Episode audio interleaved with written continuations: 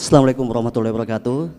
Selamat pagi seluruh undangan dan pendengar di mana pun Anda berada. Sebelum kita memasuki belusukan pengawasan media catering, Bawaslu bersama media mengawal keterbukaan dan keadilan pemilu. Memilih itu juara, kita sebagai warga negara Indonesia yang berada di beranda depan negara kesatuan Republik Indonesia, kita akan menyanyikan Indonesia Raya dan seluruh peserta diharapkan untuk berdiri.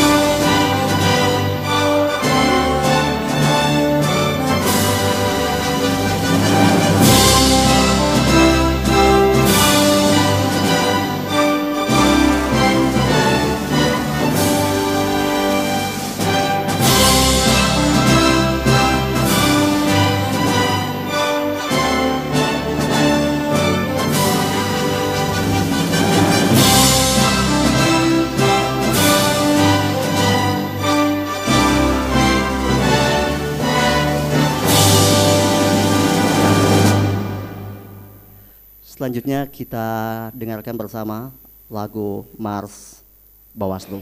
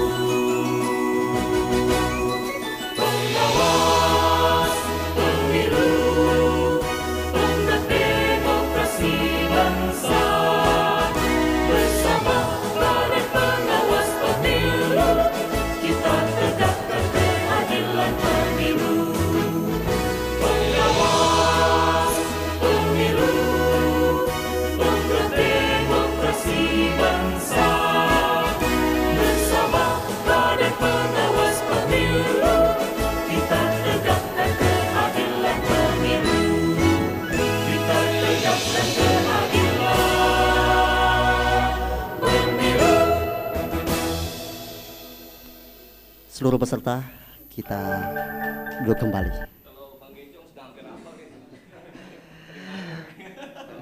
Ya. Untuk hikmahnya pelaksanaan kita di belusukan pengawasan media catering Bawaslu bersama media mengawal keterbukaan dan keadilan pemilu memilih itu juara kita awali dengan pembacaan doa yang akan disampaikan oleh Bapak Muslimin Esa.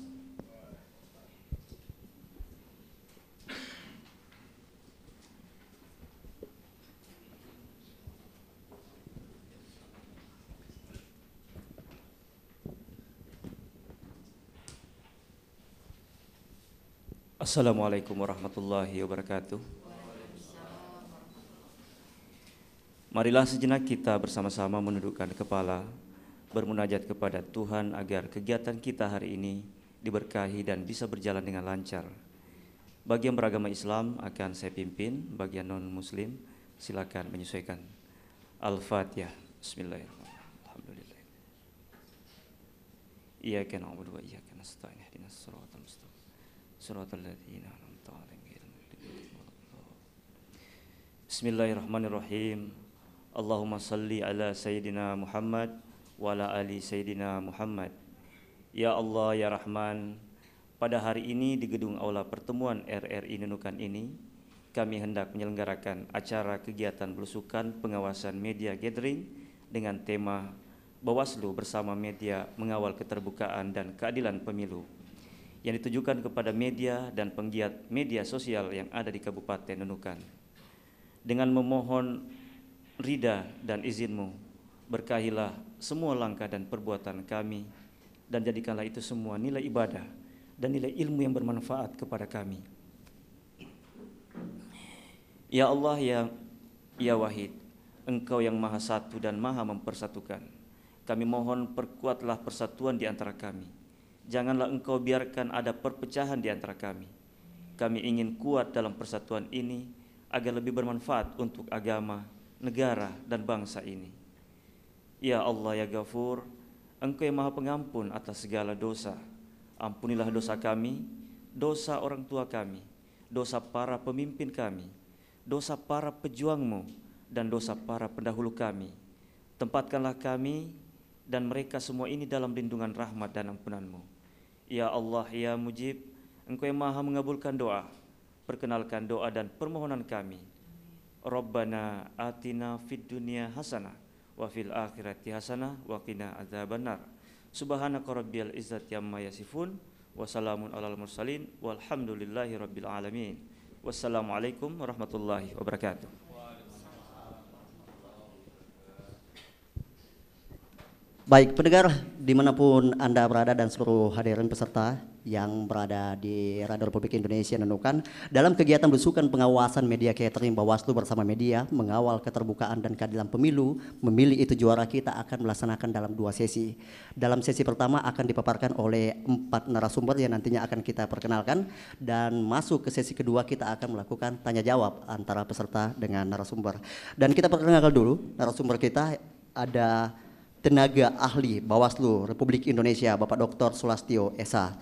Selamat pagi Pak Sulastio. Kemudian Ketua Bawaslu Kabupaten Nunukan Bapak Muhammad Yusran SS. Selamat pagi Pak Yusran.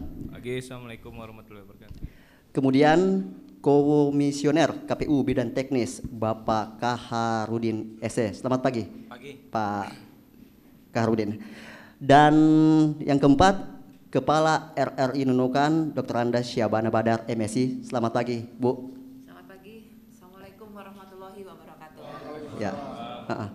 Uh, juga kita sampaikan bahwa beliau tiba di Nunukan dan menjadi pejabat kepala RRI Nunukan sudah dua hari Bu ya, dua hari dan ini bagian perkenalan dan beliau juga uh, Pak tenaga ahli Selamat datang juga mengijakan di peranda depan NKRI sebagai batas negara. Tentu ini sebuah kehormatan buat masyarakat Kabupaten Nunukan mendapat kunjungan langsung dari tenaga ahli Bawaslu dalam rangka mensukseskan pemilu yang aman, sejuk, dan damai dan demokratis di negara kesatuan Republik Indonesia. Dan sebelum kita mulai, kita akan dengarkan dulu paparan dari Ketua Bawaslu Kabupaten Nunukan, Pak Yusran terkait tentang tujuan utama pelaksanaan belusukan pengawasan media catering Bawaslu bersama media. Silakan ya. Pak. Bismillahirrahmanirrahim. Assalamualaikum warahmatullahi wabarakatuh. Selamat pagi menjelang siang. Salam sejahtera bagi kita semua. Uh, pertama-tama marilah kita mengucapkan rasa syukur kehadirat Tuhan yang Maha Kuasa atas limpahan rahmat dan karunia sehingga kita dapat dikumpulkan di sini. Yang kami hormati Bapak Sulastio tenaga Bawaslu Republik Indonesia, tenaga ahli Bawaslu Republik Indonesia yang menyempatkan diri hadir di tengah-tengah kita untuk uh, mendiskusikan perihal uh, tema yang kita angkat berkaitan dengan pentingnya uh, peran media di dalam bersama Bawaslu dalam rangka mengawal demokrasi di pemilu 2019. Uh, terima kasih dan selamat datang Bapak Sulastio. Uh, yang kami hormati Ibu Kepala RRI ya, yang sudah dua hari menjabat ya dalam kesempatan ini juga bisa hadir di tengah-tengah kita sekaligus silaturahmi karena beliau ini baru ya kan? Sehingga memang harus lebih banyak silaturahmi dan kami juga mengucapkan terima kasih kepada Ibu. Uh, bisa dipinjamin tempatnya, difasilitasi dalam rangka acara kami dan mungkin di depan-depan hari kita juga akan melakukan berbagai macam kerjasama. Ini dalam bentuk adalah bagian dari bentuk komitmen kami juga Bawaslu Kabupaten Nunukan untuk menggandeng uh, apa elemen media dalam rangka mengawal bersama-sama ya pemilu 2019. Sahabat saya dari uh, komisioner KPU Kabupaten Nunukan yang uh, lulus 10 besar ya. Untuk periode berikutnya semoga nanti dalam fit and proper test tidak ada kendala dan bisa kembali lagi uh, bersama-sama kami menjadi penyelenggara pemilu ya kita doakan aja. kalau bisa nanti kalau jadi jadi ketua KPU gitu kan. ya uh, kenapa kami angkat uh, tema bers, mengawal Bawaslu bersama media mengawal uh, keterbukaan dan keadilan pemilu karena kami memang melihat uh, pentingnya atau strategisnya peran media di dalam uh, mengawal demokrasi bangsa. Karena media ini adalah salah satu pilar demokrasi. Tanpa media uh, keterbukaan itu menjadi niscaya tidak bisa akan terjadi ya seperti itu. Khususnya pemilu ini kan penuh dengan eh, tahapan-tahapan uh, ya penyelenggaraan begitu. Sehingga kami membutuhkan media dalam rangka mempublikasi ya mensosialisasikan setiap tahapan-tahapan penyelenggaraan pemilu. Begitu juga kita di Bawaslu dalam rangka penanganan pelanggaran untuk tegaknya keadilan pemilu. Setiap uh, penanganan pelanggaran itu penting untuk diketahui masyarakat ya. Penting untuk dikawal masyarakat. Karena jargon Bawaslu ya bersama rakyat kita awasi pemilu bersama Bawaslu kita tegakkan keadilan pemilu dan kita konkretkan itu dalam dalam kesempatan ini dengan menggandeng uh, awak media. Karena memang konsep uh, belusukan ini ya kita lakukan uh, atau Bawaslu nunukan lakukan di beberapa tempat. Tadi malam kita bersama warga pesisir ya yang kita anggap di sana memang salah satu dari pemetaan kita sangat rawan ya politik uang dan uh, apa pelanggaran-pelanggaran lainnya karena data kita di 2014 itu menunjukkan seperti di Porsas itu ada kericuan ya. Mungkin Bapak Ibu para media di sini tahu ya kericuan yang terjadi di, di Porsas sehingga dari sejak dini kita lakukan antisipasi. Dan animo masyarakat juga alhamdulillah lumayan. Selain media juga kita akan uh, ke tempat-tempat ibadah ya. Ada beberapa tempat ibadah yang sudah kita uh, sudah kita petakan ya. Tentu kita juga terbatas dalam hal sumber daya dan kita akan melakukan skala prioritas tentu untuk tempat-tempat ibadah yang akan kita kunjungi dan kita berikan pemahaman terkait eh, larangan-larangan uh, tempat ibadah dijadikan tempat kampanye termasuk politik uang ya. Pencegahan terhadap politik uang begitu. Karena memang di dalam Undang-Undang 7 2017 Eh, terkait perintah undang-undang tugas uh, Bawaslu itu bunyi dia ya mencegah terjadinya praktik politik uang. Sehingga itu kita terjemahkan dalam kegiatan-kegiatan ini. Dan semoga ya media bisa turut andil ya dalam mengedukasi masyarakat karena memang politik uang, ujaran kebencian, politisasi sara ini menjadi uh, musuh atau kanker demokrasi yang harus kita lawan bersama-sama. Supaya apa? Supaya uh, pemilu kita lebih terbuka, lebih berintegritas dan dengan begitu kita harapkan lahir pemimpin yang berintegritas. Amin. Karena jangan mengharap pemimpin uh, yang berintegritas dan apa bisa mempresentasikan keinginan masyarakat kalau lahir dari praktik-praktik uh, politik transaksional tadi seperti politik uang termasuk dalam hal ini politisasi sara. Itu uh, nonsen ya kalau pemimpin itu lahir dari praktek-praktek itu. Sehingga ini kita harapkan masyarakat punya andil ya, secara umum masyarakat punya andil di dalam lahirnya pemimpin-pemimpin yang uh, apa uh, bisa mewakili masyarakat. Nah, oleh sebab itu kita gandeng teman-teman media dalam rangka itu semua begitu kan termasuk juga kita nanti akan e, coba ya untuk memberikan pemahaman yang dan share pengetahuan lah terkait uh, aturan main atau rule of game kaitannya dengan aturan kampanye atau iklan kampanye ya di media uh, cetak maupun media massa lainnya seperti itu. Termasuk uh, media sosial begitu. Nanti mungkin uh, Bapak Komisioner KPU bisa sedikit menyinggung menjelaskan itu secara rinci. Dan tentu juga nanti kita harapkan Bapak uh, Sulastio selaku tenaga ahli Bawaslu RI bisa memberikan uh, pencerahan untuk kita semua dan ditambah oleh Ibu uh, dari Kepala RRI Kabupaten Nunukan bisa memberikan kita share pengetahuan. Yang pasti uh, ini semua adalah bentuk dari bagaimana komitmen kita menggandeng ya teman-teman semua. Dan kita terbuka kata Ibu Kepala RRI asal Bawaslu siap aja dihubungi katanya kalau kami itu Bu ya teman-teman media uh, yang sering ke Bawaslu itu kita bisa dihubungi kapan saja begitu. Sepanjang uh, ya kalau memang tidak ada di Nukan kita bisa by phone ya kan, by WA begitu.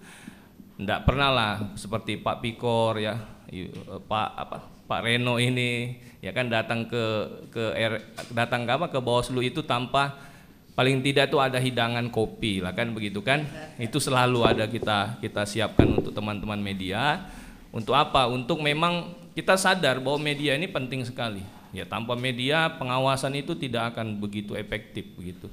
Sehingga nanti kita harapkan dan saya harapkan ya teman-teman media bisa bersama-sama kita bergandengan tangan khususnya tahapan kampanye yang apa? Tahapan kampanye yang semakin seru-serunya ya. Ya kalau prediksi teman-teman itu di bulan satu ini akan semakin lebih keras dibandingkan bulan-bulan sebelumnya seperti itu. Tahapan kampanye ini adalah tahapan yang menyangkut hajat hidup partai politik ya peserta pemilu. Sehingga irisan kepentingan di sini sangat sangat kuat sekali.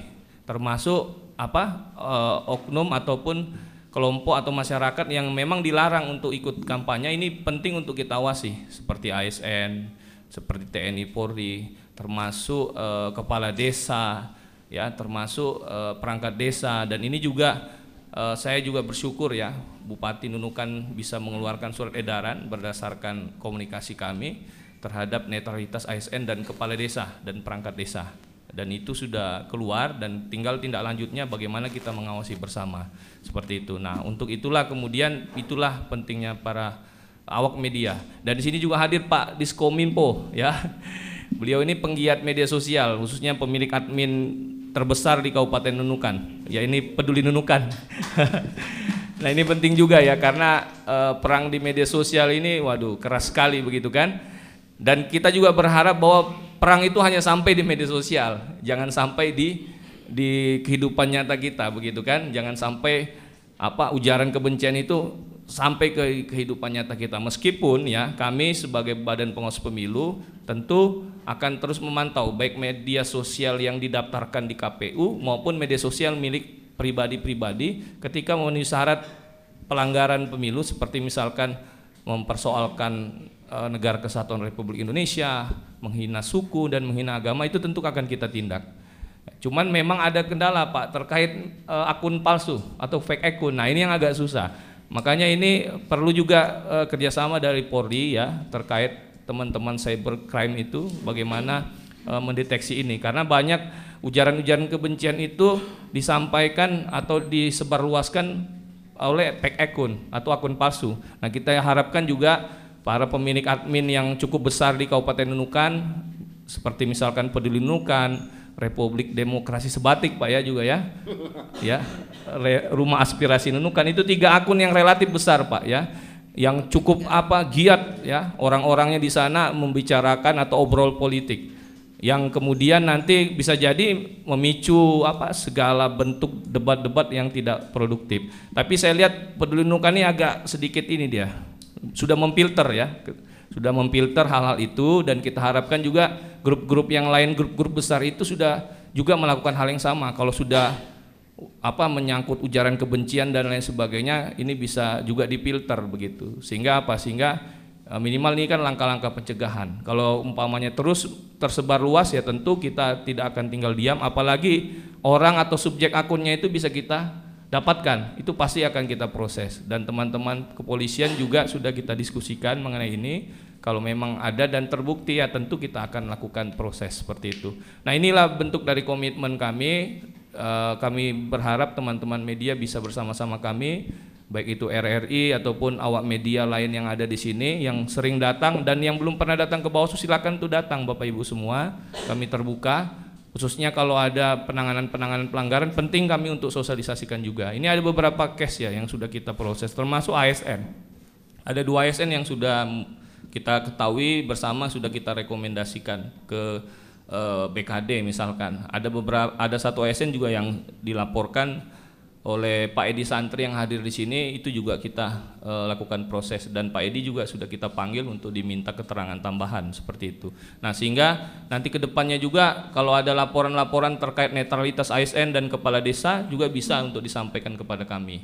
Termasuk kita bersama-sama mengawasi Pak, Pak Ibu ya semua ketua RT Ya, ketua RT ini eh, kadang juga ikut-ikut bermain ya, jangan sampai juga eh, apa menggunakan jabatan atau kebijakan RT-nya untuk kepentingan politik tertentu. Itu mungkin dari kami dan saya mohon maaf ini kepada teman-teman kalau tadi agak terlambat dan saya juga mau klarifikasi kata belusukan ini tidak ada kaitannya ya dengan eh, apa jargon politik begitu kan. Belusukan ini kita ambil ya karena memang kita ingin turun ke bawah ya. Kalau istilah Orde Baru itu kan turba ya, turun ke bawah bersama-sama masyarakat untuk melakukan e, pengawasan seperti itu.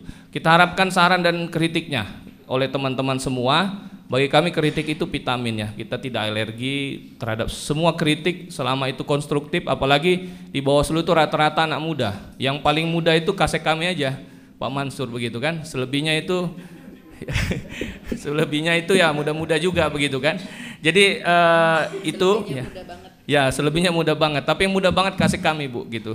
Tiga orang komisioner tuh relatif di bawah 40 tahun, Bu, kita.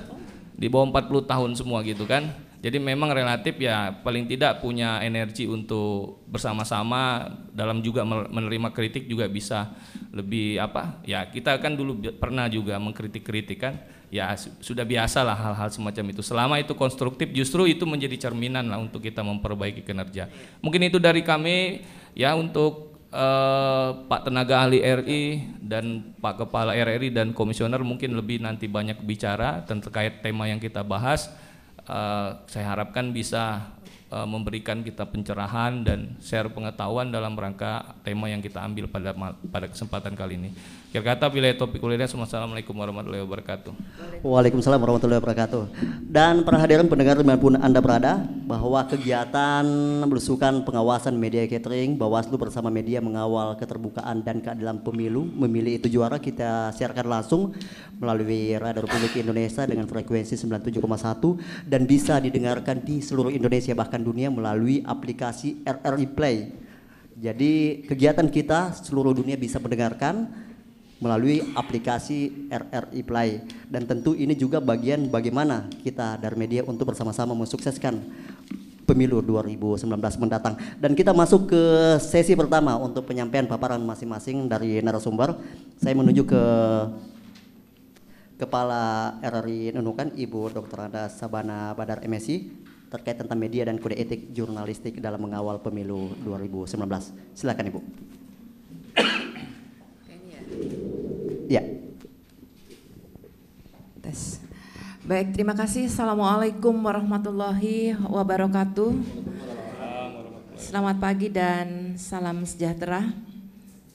Ketua Bawaslu, tenaga ahli dan juga komisioner KPU, hadirin dan juga tentu pendengar RRI Nunukan yang saya banggakan. Pertama saya ingin sampaikan bahwa terima kasih dan salut kepada Bawaslu sudah melakukan kegiatan yang ke bawah ini. Ini menjadi catatan penting bagi kita semuanya, orang-orang media bahwa sebenarnya bahwa mencerminkan bahwa Bawaslu sudah melakukan sosialisasi yang detail sampai ke media. Berikutnya adalah benar yang disampaikan oleh Ketua Bawaslu bahwa media atau kita semuanya RRI dan teman-teman media elektronik dan uh, juga televisi online dan lain-lainnya kita ada berada di pilar keempat demokrasi ya Pak ya. Kita bagian daripada itu mengkoreksi dan memberikan penetrasi dan sekaligus mengevaluasi apa-apa yang dilakukan tentu mengacu dan diperuntukkan oleh publik masyarakat sebagai eh, transformasi kedaulatan rakyat yang dialihkan oleh negara.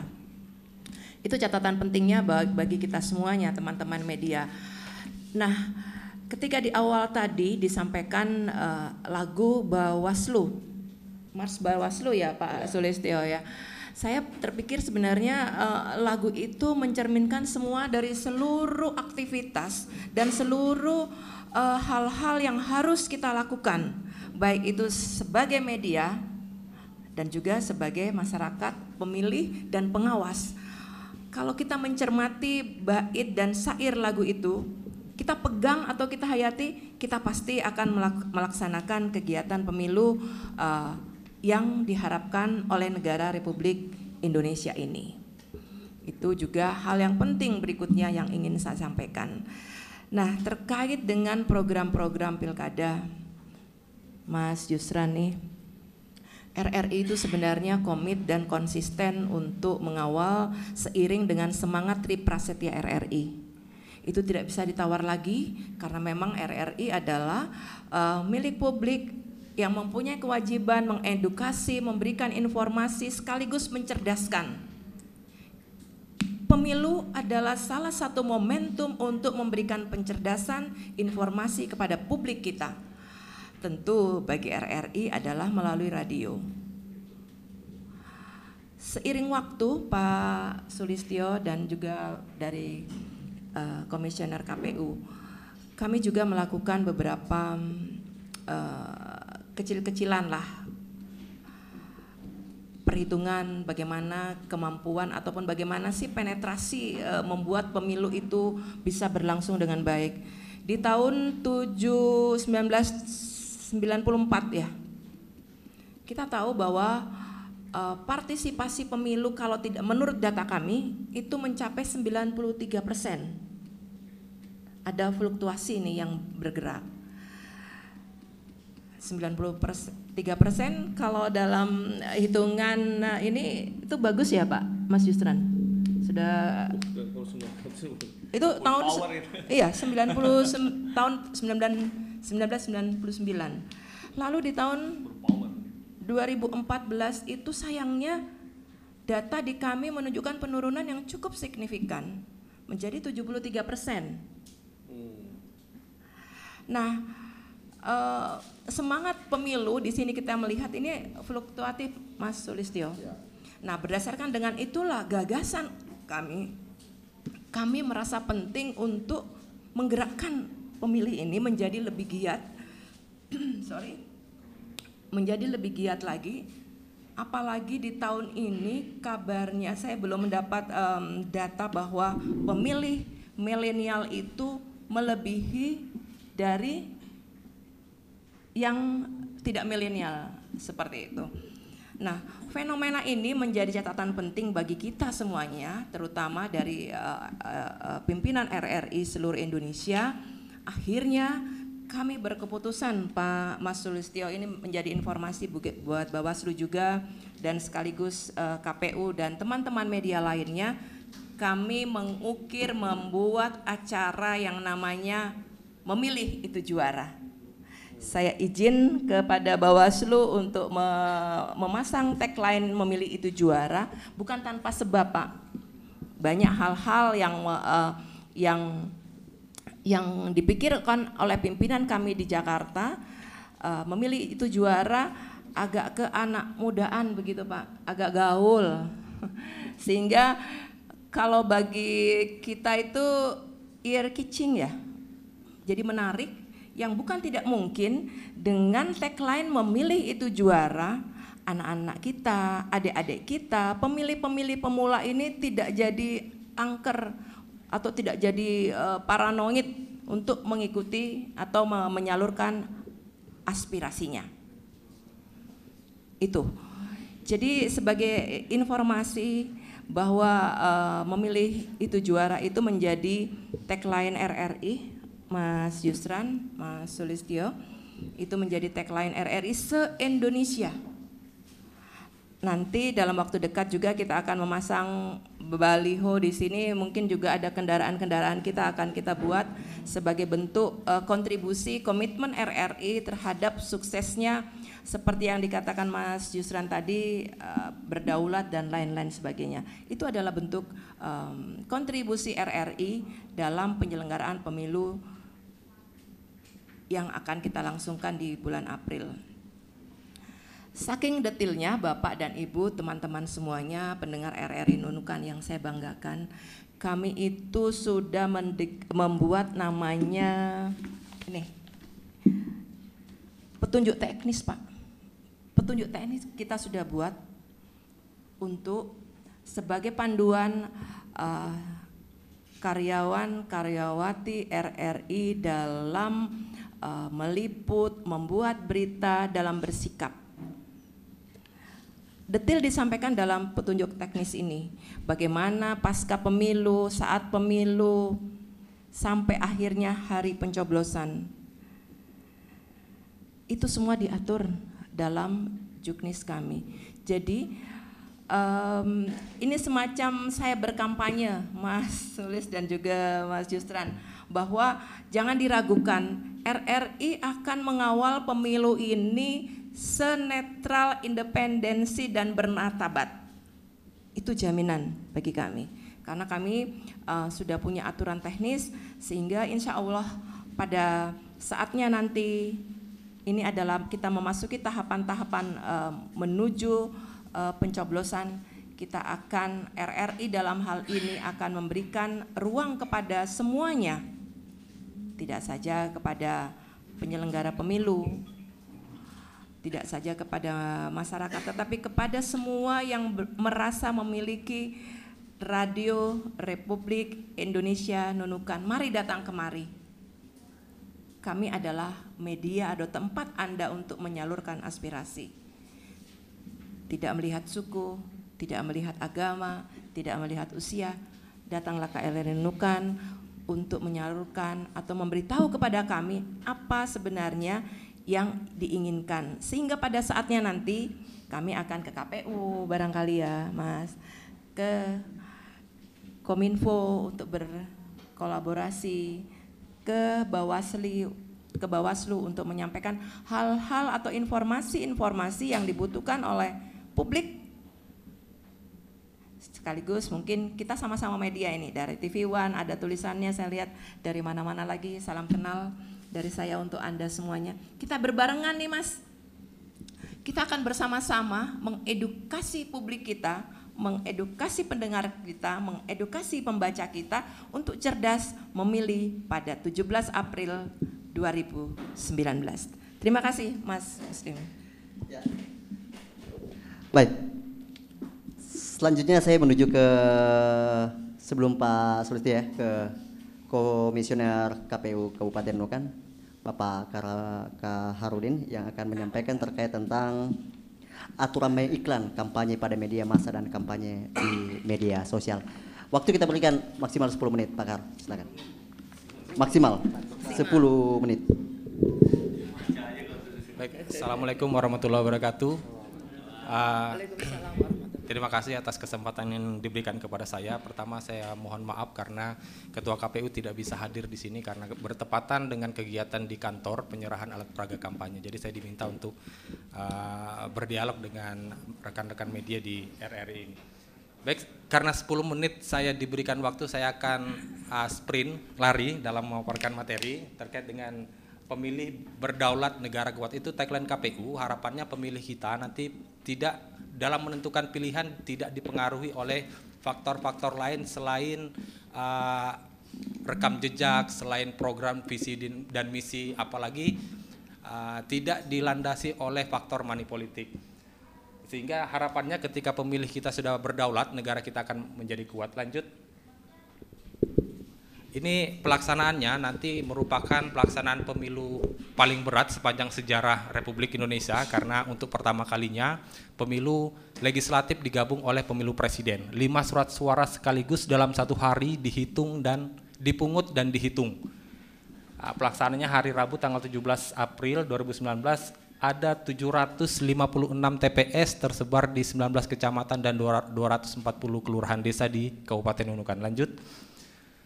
Uh, surat suaranya saya pikir sudah ada di eh, teman-teman uh, sudah tahu semua, ada presiden, wakil presiden, DPR RI, DPD, DPRD provinsi dan DPRD kabupaten kota. Lanjut. Uh, ini jenis surat suaranya, warnanya uh, memang belum ada regulasi teknis yang mengatur tentang ini, namun ini sudah menjadi kesepakatan uh, tinggal dituangkan dalam peraturan KPU atau surat keputusan, surat uh, warna, warna-warninya. Kabupaten kota warna hijau, provinsi biru, DPR RI kuning, DPD RI merah, dan presiden dan wakil presiden abu-abu. Sempat ada berita juga menyebutkan presiden ini warna hitam, tapi berdasarkan rapat dan informasi yang kami terima tetap seperti 2014 warnanya abu-abu. Lanjut. Nah, ini pesertanya ada ratusan. Kalau pemilihan presiden dan wakil presiden ada dua calon, yang terpilih hanya satu. Ini untuk DPR RI ada 43 calon untuk dapil Kaltara. 43 yang terpilih hanya tiga. Terus DPD RI ada 23 calon, yang terpilih hanya empat.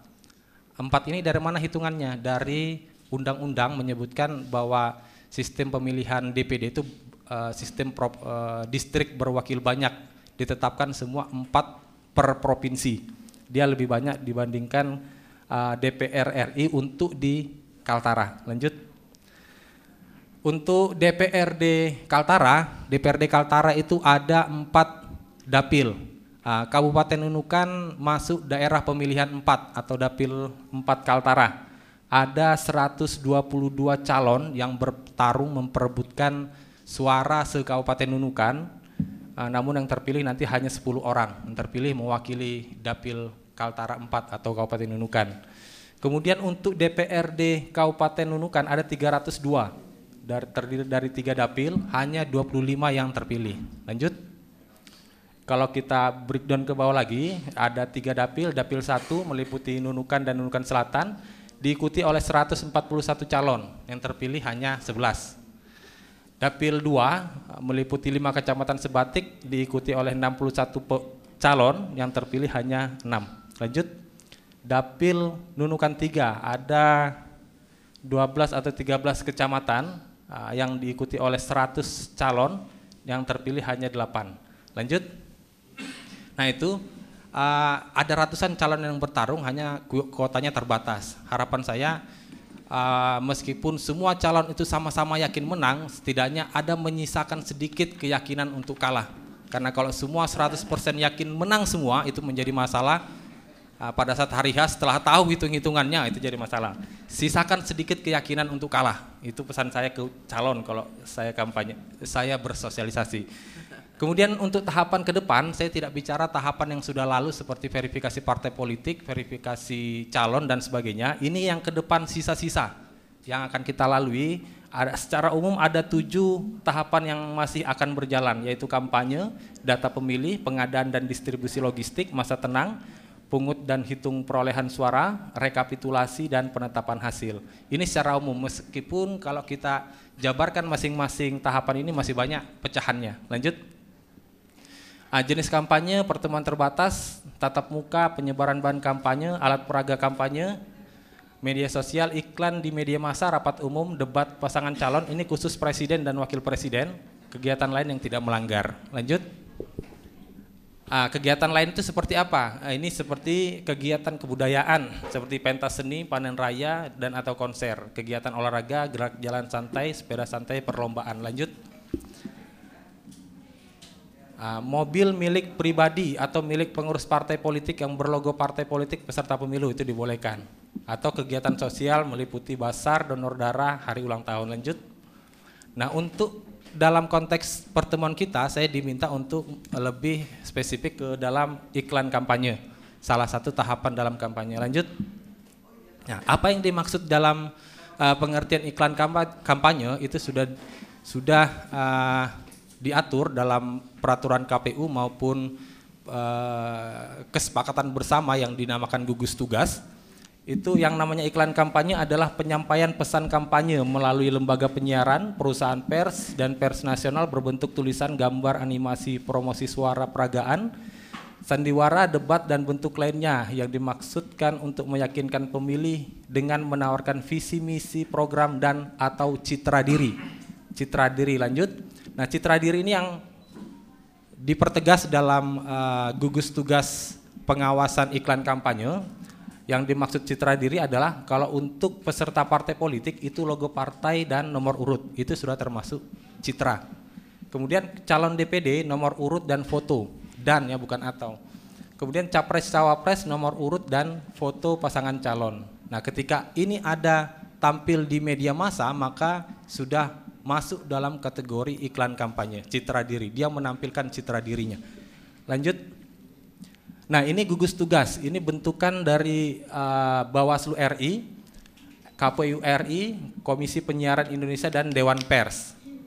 Keempat lembaga di tingkat pusat ini sudah membentuk gugus tugas pengawasan dan pemantauan pemberitaan penyiaran dan iklan kampanye. Masing-masing ditandatangani oleh pucuk pimpinan. Lanjut.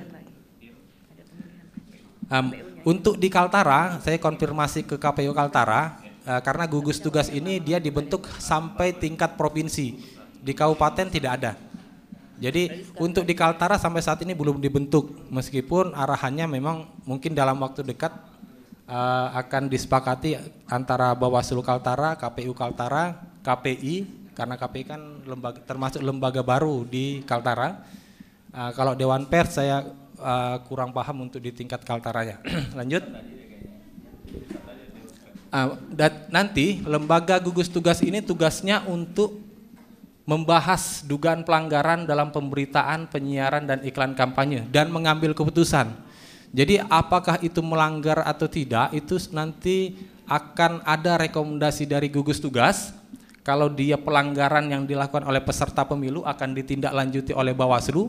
Kalau dia pelanggaran lembaga penyiaran uh, dia akan ditindaklanjuti, oleh KPI. Kalau dia pelanggaran dilakukan oleh perusahaan pers, misalkan tidak berimbang dan sebagainya, itu akan ditangani oleh Dewan Pers. Lanjut jadwal kampanye uh, untuk iklan kampanye berbeda dengan rapat umum.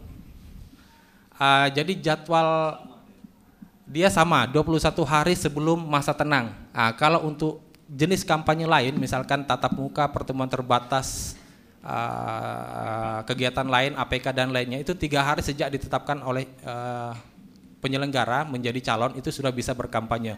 Khusus untuk iklan kampanye dan rapat umum diatur Singkat hanya 21 hari. Tanggalnya 24 Maret sampai 13 April 2019.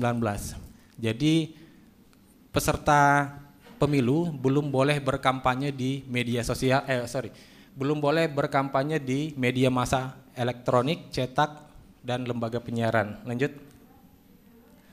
Nah, ini kewajiban media sesuai dengan pasal 289 Undang-Undang 7 2017 tentang pemilu Ah, bahwa media massa, cetak, dan lembaga penyiaran yang menyediakan rubrik khusus untuk pemberitaan kampanye pemilu harus berlaku adil dan berimbang kepada semua peserta pemilu, tidak berpihak terhadap peserta pemilu. Ini menjadi uh, catatan penting bagi media karena saya pernah menjadi wartawan, kecenderungan wartawan itu kan apa yang ditulis itu tergantung sudut pandang wartawan dan sudut pandang itu biasanya ada kecenderungan untuk berpihak.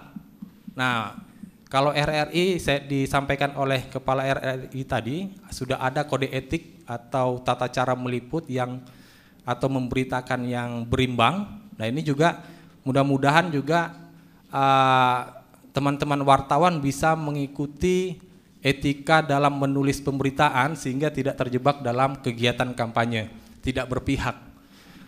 Lanjut Nah, ini batasan atau durasi iklan berdasarkan peraturan KPU dan surat keputusan. Uh, di TV itu disediakan disiapkan paling banyak 10 spot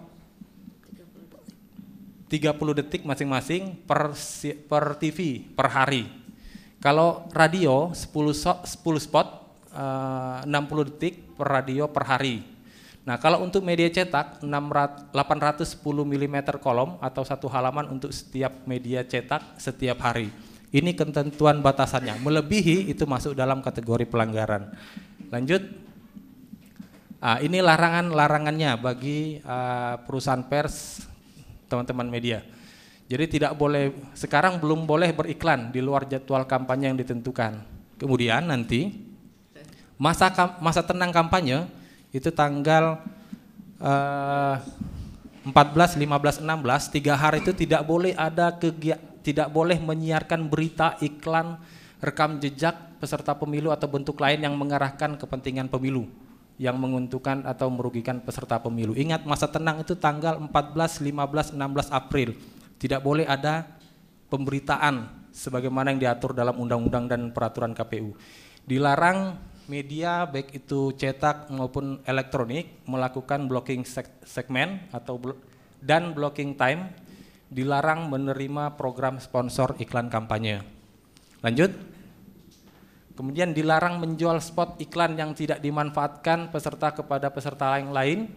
Kemudian peserta pemilu dilarang membuat materi iklan dalam bentuk tayangan atau penulisan berbentuk berita. Jadi kalau dicetak dia display, dia tidak boleh dalam bentuk adver advertorial. Kalau yang uh, biasa kontrak antara media dengan Pemda maupun DPRD itu kan biasanya advertorial. Itu tidak boleh kalau di iklan kampanye dia harus uh, tidak dalam bentuk berita. Kemudian juga ucapan selamat, nanti kan bakal banyak ucapan-ucapan misalkan tahun baru ucapan selamat, kemudian hari Valentine bisa selamat, kemudian Natal. Natal selamat. Nah itu tidak boleh kalau ada yang men menampilkan citra diri peserta pemilu. Lanjut. Uh, pelaksanaan kampanye uh, di, uh, dimulai sejak tiga hari setelah penetapan peserta pemilu itu di luar uh, di luar tadi iklan kampanye dan rapat umum. Kemudian pelaksana kampanye mendaftarkan paling banyak. Oh ini media sosial sorry. Untuk di media sosial uh, diatur dalam peraturan KPU dia harus didaftarkan 10 akun maksimal untuk jenis setiap jenis aplikasi seperti Facebook, Instagram dan lain-lain. Lanjut. Uh, ini daftar pemilih saya pikir tidak perlu disampaikan. Lanjut terus. Uh, lanjut. Lanjut. Lanjut distribusi logistik. Lanjut. Lanjut. Lanjut. Lanjut. Nah, ini tantangan yang perlu saya sampaikan. Mudah-mudahan tidak terjadi. Mudah-mudahan bisa kita antisipasi bersama dalam pelaksanaan pemilu di Nunukan. Kami uh, berdasarkan pengalaman Pilkada 2015 dan Pemilu 2014 kami beberapa kali mengalami kendala terutama dalam ketersediaan sumber daya manusia untuk menyelenggarakan untuk menjadi penyelenggara KPPS atau kelompok penyelenggara pemungutan suara. Bayangkan di Kabupaten Nunukan ini ada satu desa di Kecamatan Lumis Ogong yang terdaftar di DPT kita sekarang itu hanya 21 pemilih dalam satu TPS dalam satu desa. Nah, 21 pemilih ini belum itu sudah menjadi KPP, sudah menjadi PPS, sekretariat PPS, pengawas. Terus kami harus membentuk juga tujuh orang KPPS. Itu baru bicara jumlah, belum lagi orang ini mau apa tidak. Belum lagi bicara orang ini punya kapasitas apa tidak. Nah, itu persoalan ini juga sudah saya sampaikan kepada pimpinan di atas, provinsi dan RI memang ini uh, berdasarkan undang-undang dia saklek harus setuju KPPS. Uh, dia tidak belum melihat fakta bahwa ada desa-desa yang jumlah pemilihnya itu atau jumlah penduduknya itu sangat minim sehingga kami mengalami uh, kesulitan. Kemudian kendala tantangan kami ke depan adalah tingkat kerumitan pengisian berita acara hasil pemungutan suara. Pengalaman 2014 ada petugas KPPS itu yang mencatat sampai tembus dini hari bahkan pagi hari. Itu baru empat surat suara. Nanti pemilu 2019 ada 10, ada lima surat suara yang harus dipungut dan dihitung pada hari itu juga. Nah, mudah-mudahan nanti peraturan teknisnya terkait berita acara dan formulir-formulir lebih sederhana lagi sehingga bisa diefektifkan uh, dalam pengisian. Kemudian tantangan selanjutnya distribusi logistik ke daerah pedalaman seperti yang foto saya tampilkan tadi.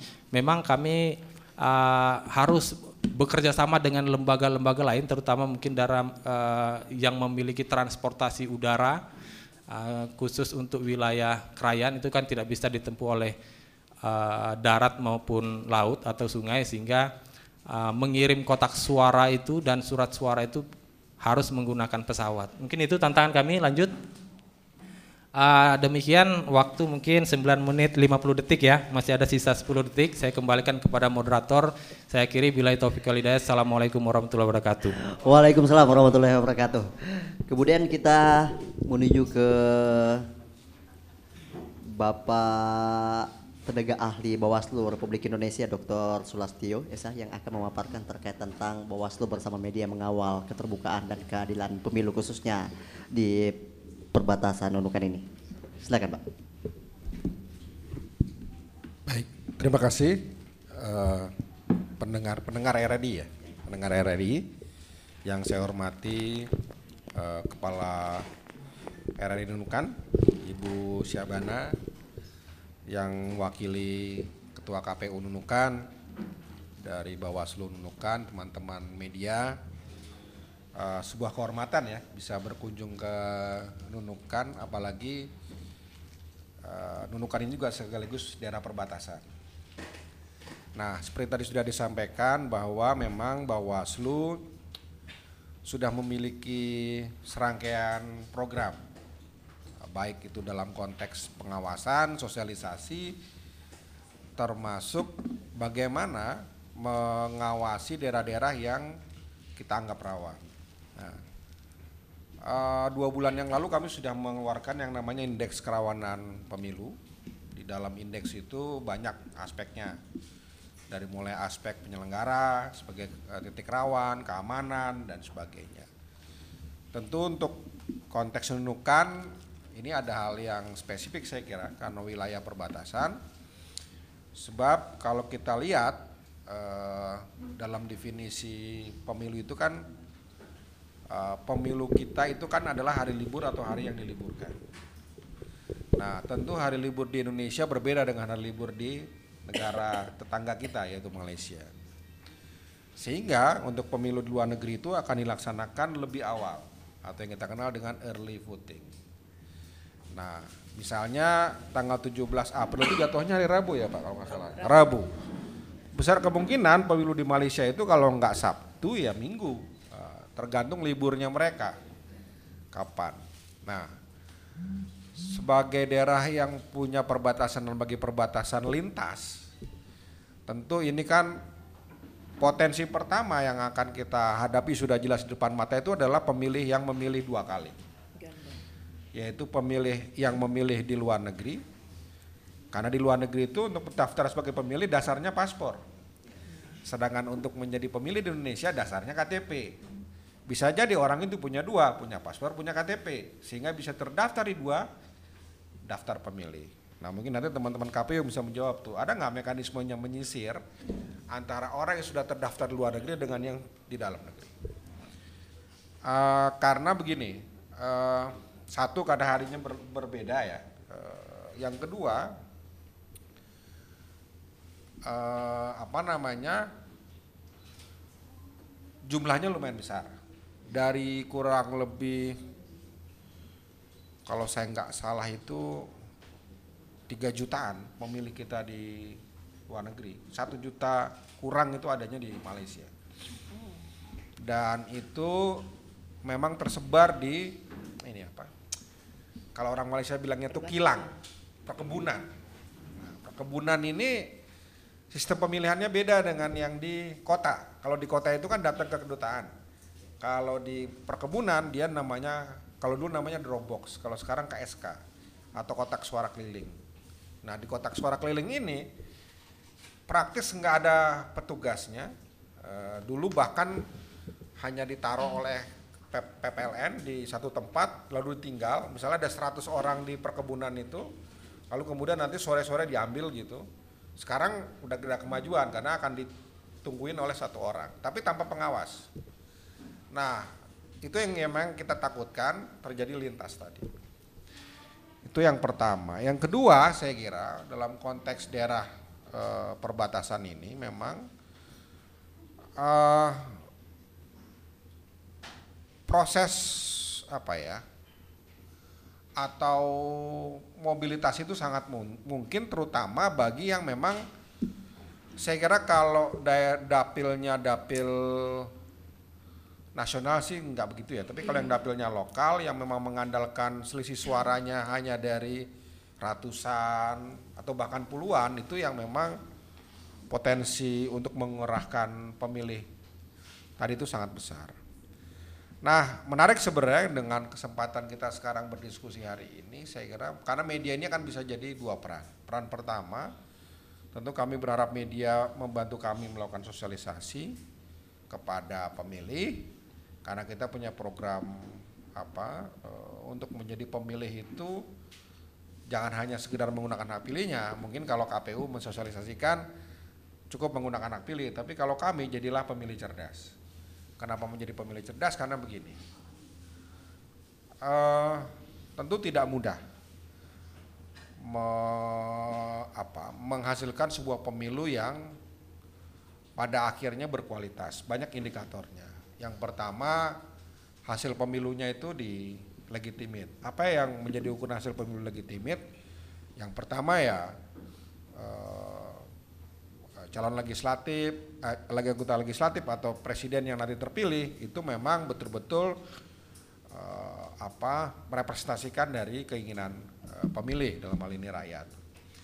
Nah, yang kedua adalah tidak ada kejadian-kejadian yang kemudian bisa dikategorikan mencederai kualitas dari pemilu. Misalnya politik uang, lalu eh, apa namanya eh, jual beli suara dan sebagainya. Nah, tentu dalam kerangka berpikir kami sebagai pengawas tentu tidak mudah. Bahkan kalau kita tahu sekarang media sebagai eh, apa penyampai informasi kan juga tidak lepas dari statusnya sebagai industri. Nah, tantangan sebagai industri tentu saja agar bisa survive maka media harus punya pemasukan. Eh, Beda konteksnya karena RRI ini kan media publik ya. Eh, Dia eh, lembaga penyiaran publik tentu berbeda dengan swasta yang memang harus survive tadi. Nah, sekarang ini kalau kita lihat kecenderungannya memang ini berdasarkan hasil kajian Bawaslu saja.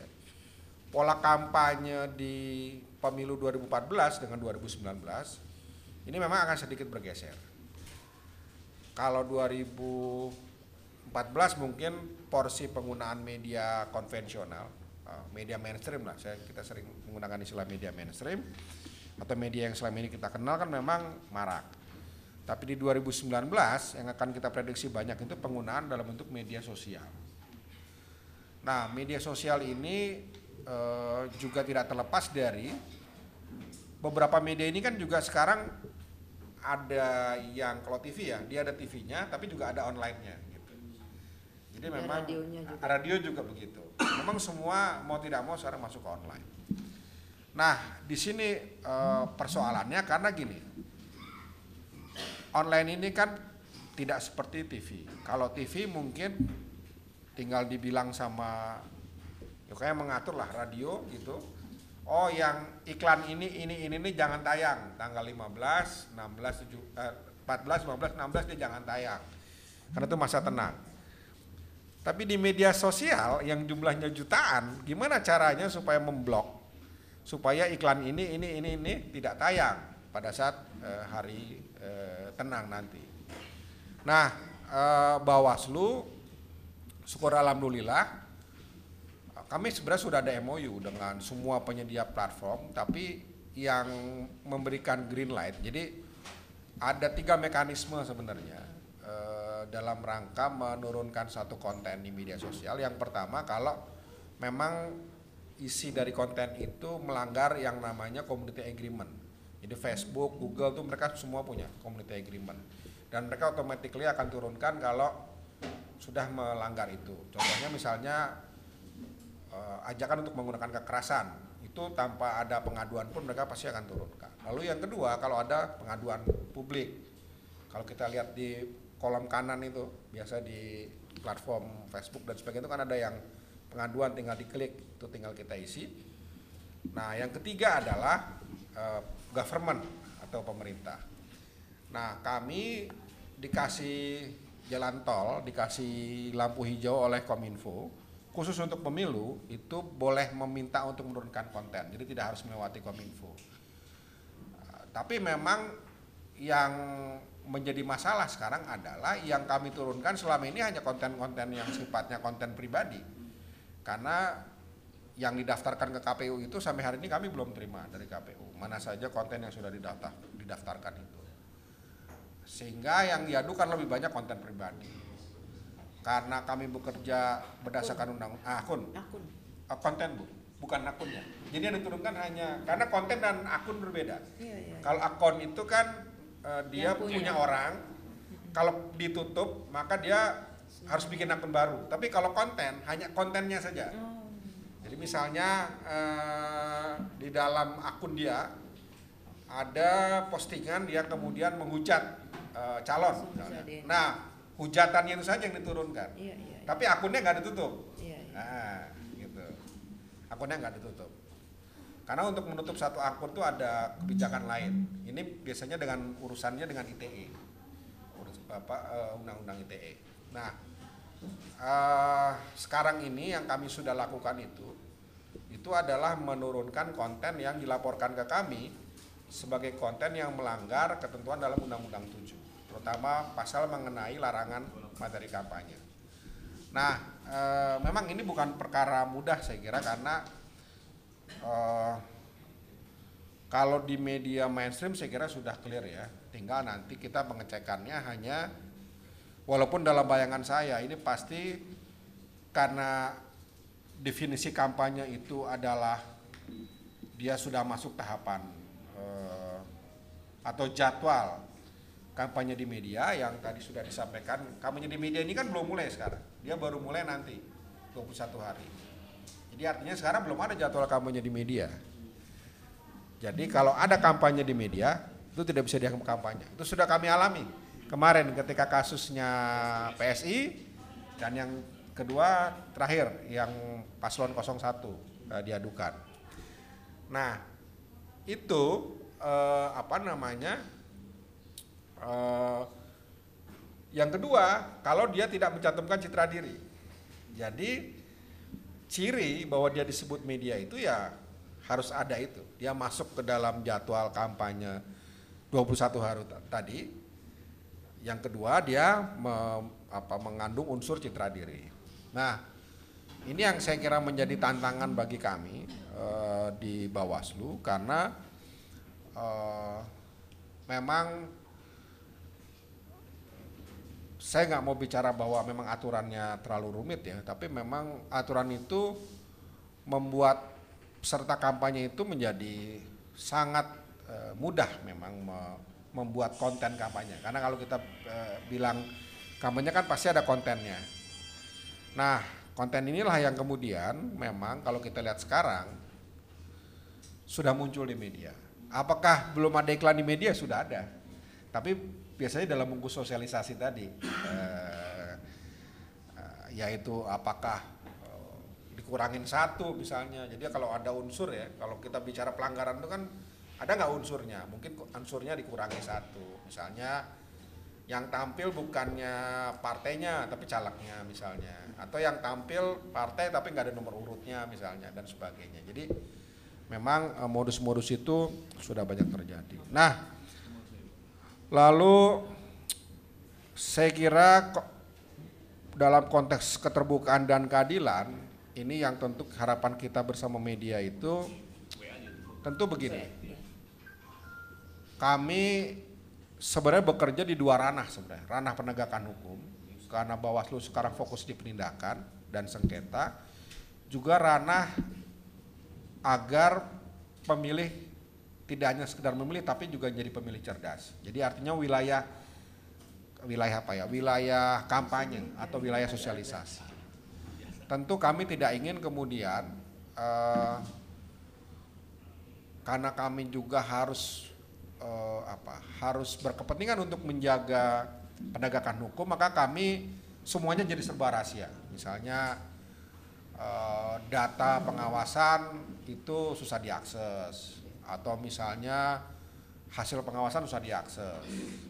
Nah, tentu kami berharap ketika kami melakukan penindakan atau penegakan hukum sepanjang itu kaitannya dengan penegakan hukum ya mohon dipahami bahwa kami harus menutup sementara karena eh, ada hal-hal yang memang tidak bisa diungkapkan hari itu juga ketika kami sedang menjalankan itu. Tapi ketika nanti pada saatnya, karena kami juga harus menyampaikan dan Bawaslu ini kan sebagai badan publik juga terikat kewajiban supaya kita terbuka kepada publik. Nah, maka kami pasti akan menyampaikan informasi tersebut. Eh, dan tentu hal ini mohon dipahami oleh teman-teman di media eh, sehingga kemudian kita bisa berjalan bersama dan Bawaslu tentu sangat butuh media karena Bawaslu juga ingin agar publik paham apa yang sedang dikerjakan Bawaslu. Contohnya kenapa kemudian kasusnya PSI nggak lanjut? Tentu kan eh, kalau publik hanya sekedar tahu eh, kulit luarnya maka ah ini pasti Bawaslu nggak punya gigi nih. Bawaslu nih ompong dan sebagainya nggak berani. Tapi kan tentu banyak aspek. Eh, yang pertama eh, Bawaslu bukan penafsir tunggal definisi kampanye, ada KPU di sana. Dan sering kali penegak hukum kita itu kan tidak tidak selalu punya persepsi yang sama. Ini saya mencoba mewakili apa uh, boleh dibilang apa ya mungkin tantangan bagi teman-teman Bawaslu sekarang ketika teman-teman Bawaslu sudah menetapkan bahwa oh si A ini sudah memenuhi unsur kampanye di luar jadwal bagi penegak hukum belum tentu. Apakah itu kampanye di luar jadwal? Mari kita lihat, kampanye bukan. Dan ternyata setelah ditanya ke KPU ternyata bukan kampanye karena belum jadwal kampanye, jadwal kampanye belum keluar dan sebagainya. Nah ini yang memang eh, saya kira harus disampaikan kepada masyarakat, sampaikan kepada publik sehingga persepsi Bawaslu bahwa Bawaslu tidak punya gigi, tidak berani tentu harus dipahami sebagai bagian dari tantangan melakukan penegakan hukum. Dan kami juga e, berharap sebenarnya dan terbuka e, karena bagian bagian mana pun kan kami penyelenggara e, aturan, kami penyelenggara undang-undang, pelaksana undang-undang tidak bisa kami bergerak di luar koridor itu. Saya kira demikian e, tambahan sedikit saja e, terkait e, bagaimana Bawaslu dan media bisa mengawal keterbukaan dan keadilan pemilu. Terima kasih. Oke, kita berikan aplaus dulu kepada empat narasumber kita. Kemudian kita masuk sesi kedua, tanya jawab. Dan kami informasikan juga kepada seluruh pendengar, Anda bisa ikut berinteraksi langsung bersama kami di layanan telepon 0853 9101 606 0853 9101 606 di topik kita Bawaslu bersama media mengawal keterbukaan dan keadilan pemilu di perbatasan negara. Saya menuju ke Pak Dian, silakan Pak. Yang ingin mau ditanyakan kepada empat narasumber yang ada di depan yang berkaitan topik kita pagi ini. Silakan Pak sebagai admin peduli nenukan terbesar. Terima kasih. Assalamualaikum warahmatullahi wabarakatuh. Memilih itu juara. Ini tagline yang sangat menarik dan bagus sekali, terutama untuk kaula muda.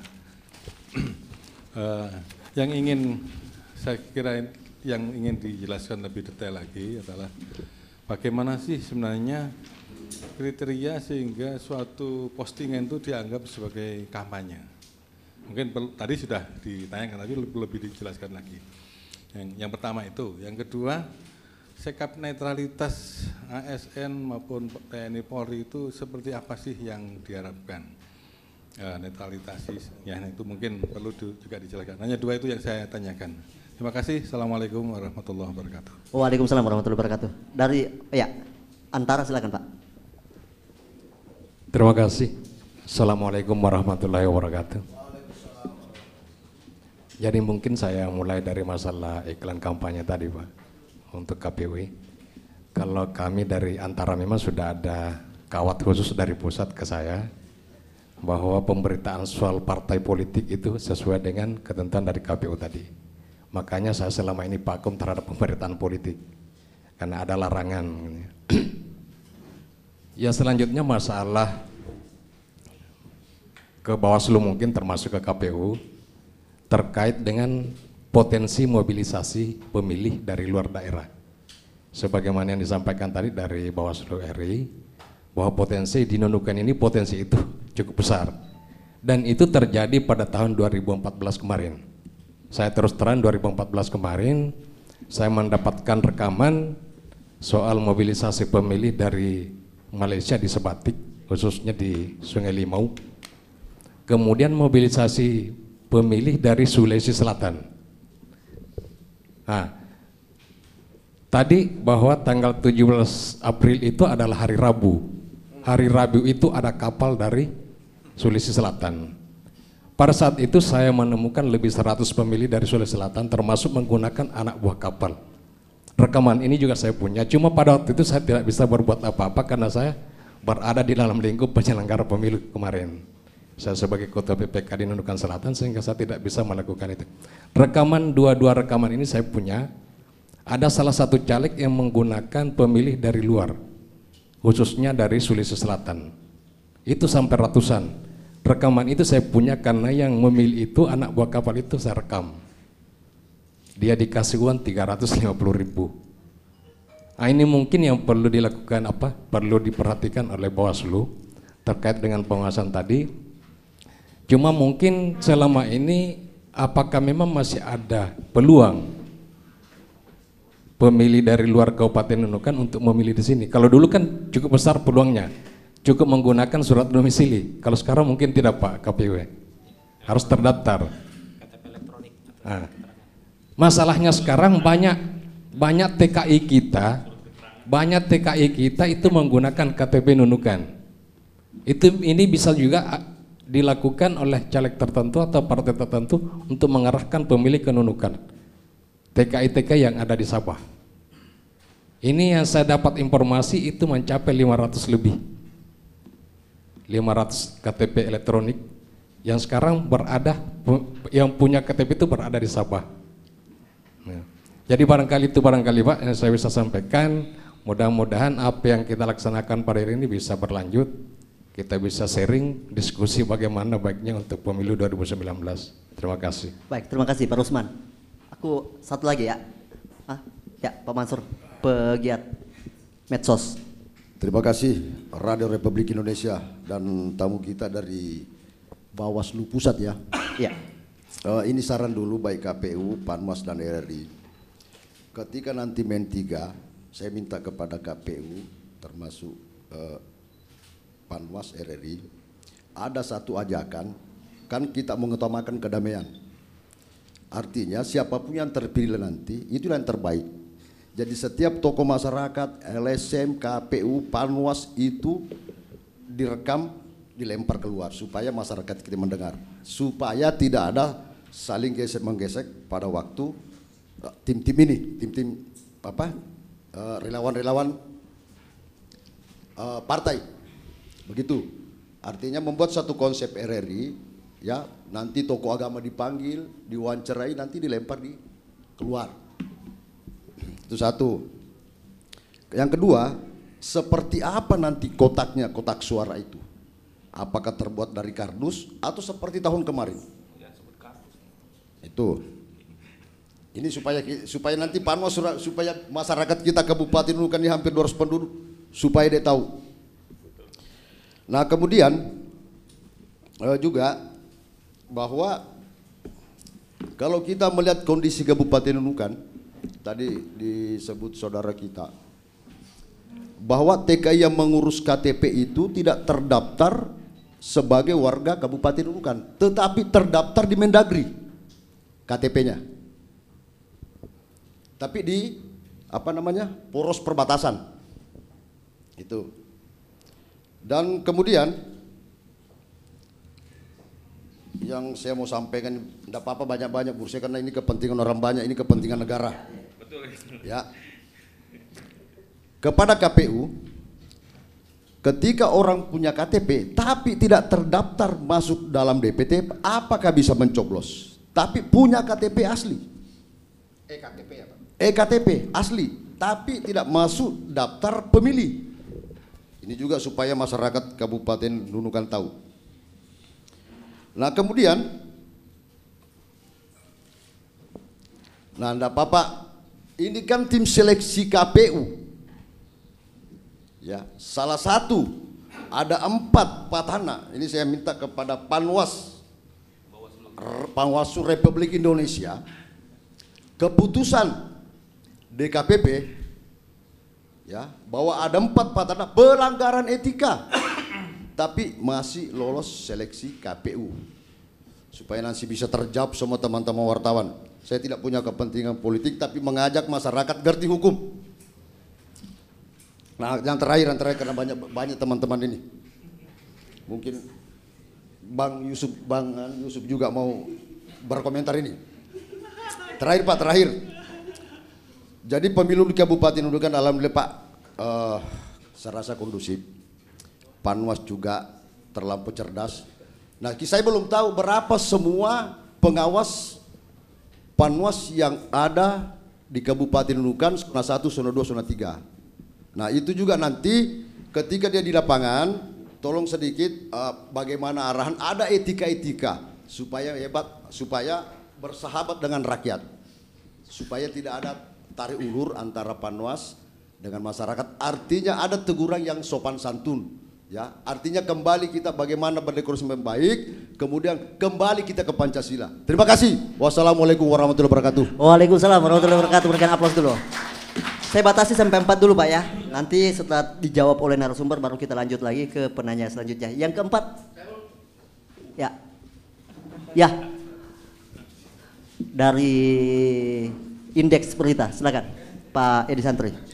Assalamualaikum warahmatullahi wabarakatuh. Waalaikumsalam warahmatullahi wabarakatuh. Langsung aja Pak, kalau saya menilai saya menjadi tertarik dengan tema itu ya, mengawal keterbukaan dan keadilan pemilu. Seperti diketahui bahwa masyarakat Nunukan itu kami pernah survei ya, hampir ada 45% itu menggunakan media sosial. Dan sekarang kita ketahui bahwa di media di media sosial itu kalau dengan mengacu pada itu ke, mengawal keterbukaan berarti kita harus terlibat proaktif ya. Kalau kami dari insan pers dari media semua wartawan Inukan sih komitmen menjaga netralitas. Nah sekarang saya balik kepada Bawaslu lagi. Bagaimana kinerja Bawaslu dalam patroli di media sosial selama ini? Karena saya lihat ada akun dari Bawaslu tapi kok kurang aktif. Karena sekarang masyarakat Nunukan itu sudah ikut-ikutan kak di Jakarta deh. Terkontaminasi pada dua kemungkinan kalau tidak cebong ya kampret. Nah bagaimana kita mengawal keterbukaan dalam keadilan itu saat sedangkan kita sendiri misalnya abed pada masalah yang berpotensi untuk merusak bukan lagi berpotensi ya memang mengarah pada perpecahan di perbatasan ini Nah saran saya kepada Bawaslu, kalau bisa aktifkan patroli di media sosial tanpa kami, sebetulnya kami kemarin saya sendiri melaporkan ASN itu sebenarnya teguran pada Bawaslu. Kok sampai saya melaporkan? Jadi pengguna-pengguna media sosial itu tidak dipantau ke Bawaslu selama ini. Terima kasih. Oke, Baik Pak, ada empat penanya. Yang pertama dari admin peduli Nunukan Pak Dian Kusmanto terkait tentang seperti apa sih pelanggaran kampanye yang ditulis dalam medsos.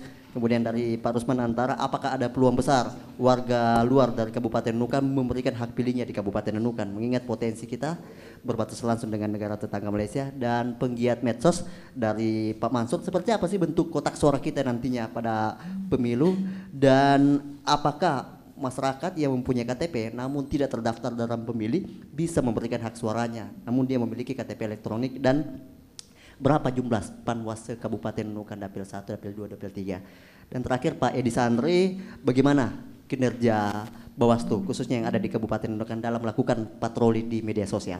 Silakan. Pak Bawaslu atau mana? Silakan Pak Bawaslu. Mungkin nggak semua kayak saya respon ya. Ya uh, mohon izin. Yang pertama soal definisi kampanye di medsos. Memang begini, undang undang-undang tidak mengatur secara spesifik ya kampanye di media sosial artinya uh, hanya diatur soal larangan isi kampanye itu yang pertama dan sampai hari ini kami belum menerima akun resmi. Jadi memang karena kalau kita mengacu ke undang-undang seharusnya kampanye itu hanya boleh ada di akun resmi. Tapi karena sampai hari ini belum ada akun resmi yang disampaikan ke kami jadi kami tidak bisa melakukan pengawasan secara langsung. Uh, untuk tingkat uh, kabupaten saya nggak tahu apa sudah ada akun resmi yang dilaporkan? Ada belum semua nggak maksudnya akun resmi yang dilaporkan ke KPU dan kemudian disampaikan kepada Bawaslu sudah ada? Ada cuman belum semua. Oh belum semua. Nah, kalau yang untuk uh, tingkat nasional memang juga sama belum semua. Tapi karena sudah diperintahkan oleh undang-undang kami melakukan pengawasan sementara kami melakukan pengawasan hanya memang begini media ini kan medsos terutama ya itu kan jumlahnya jutaan.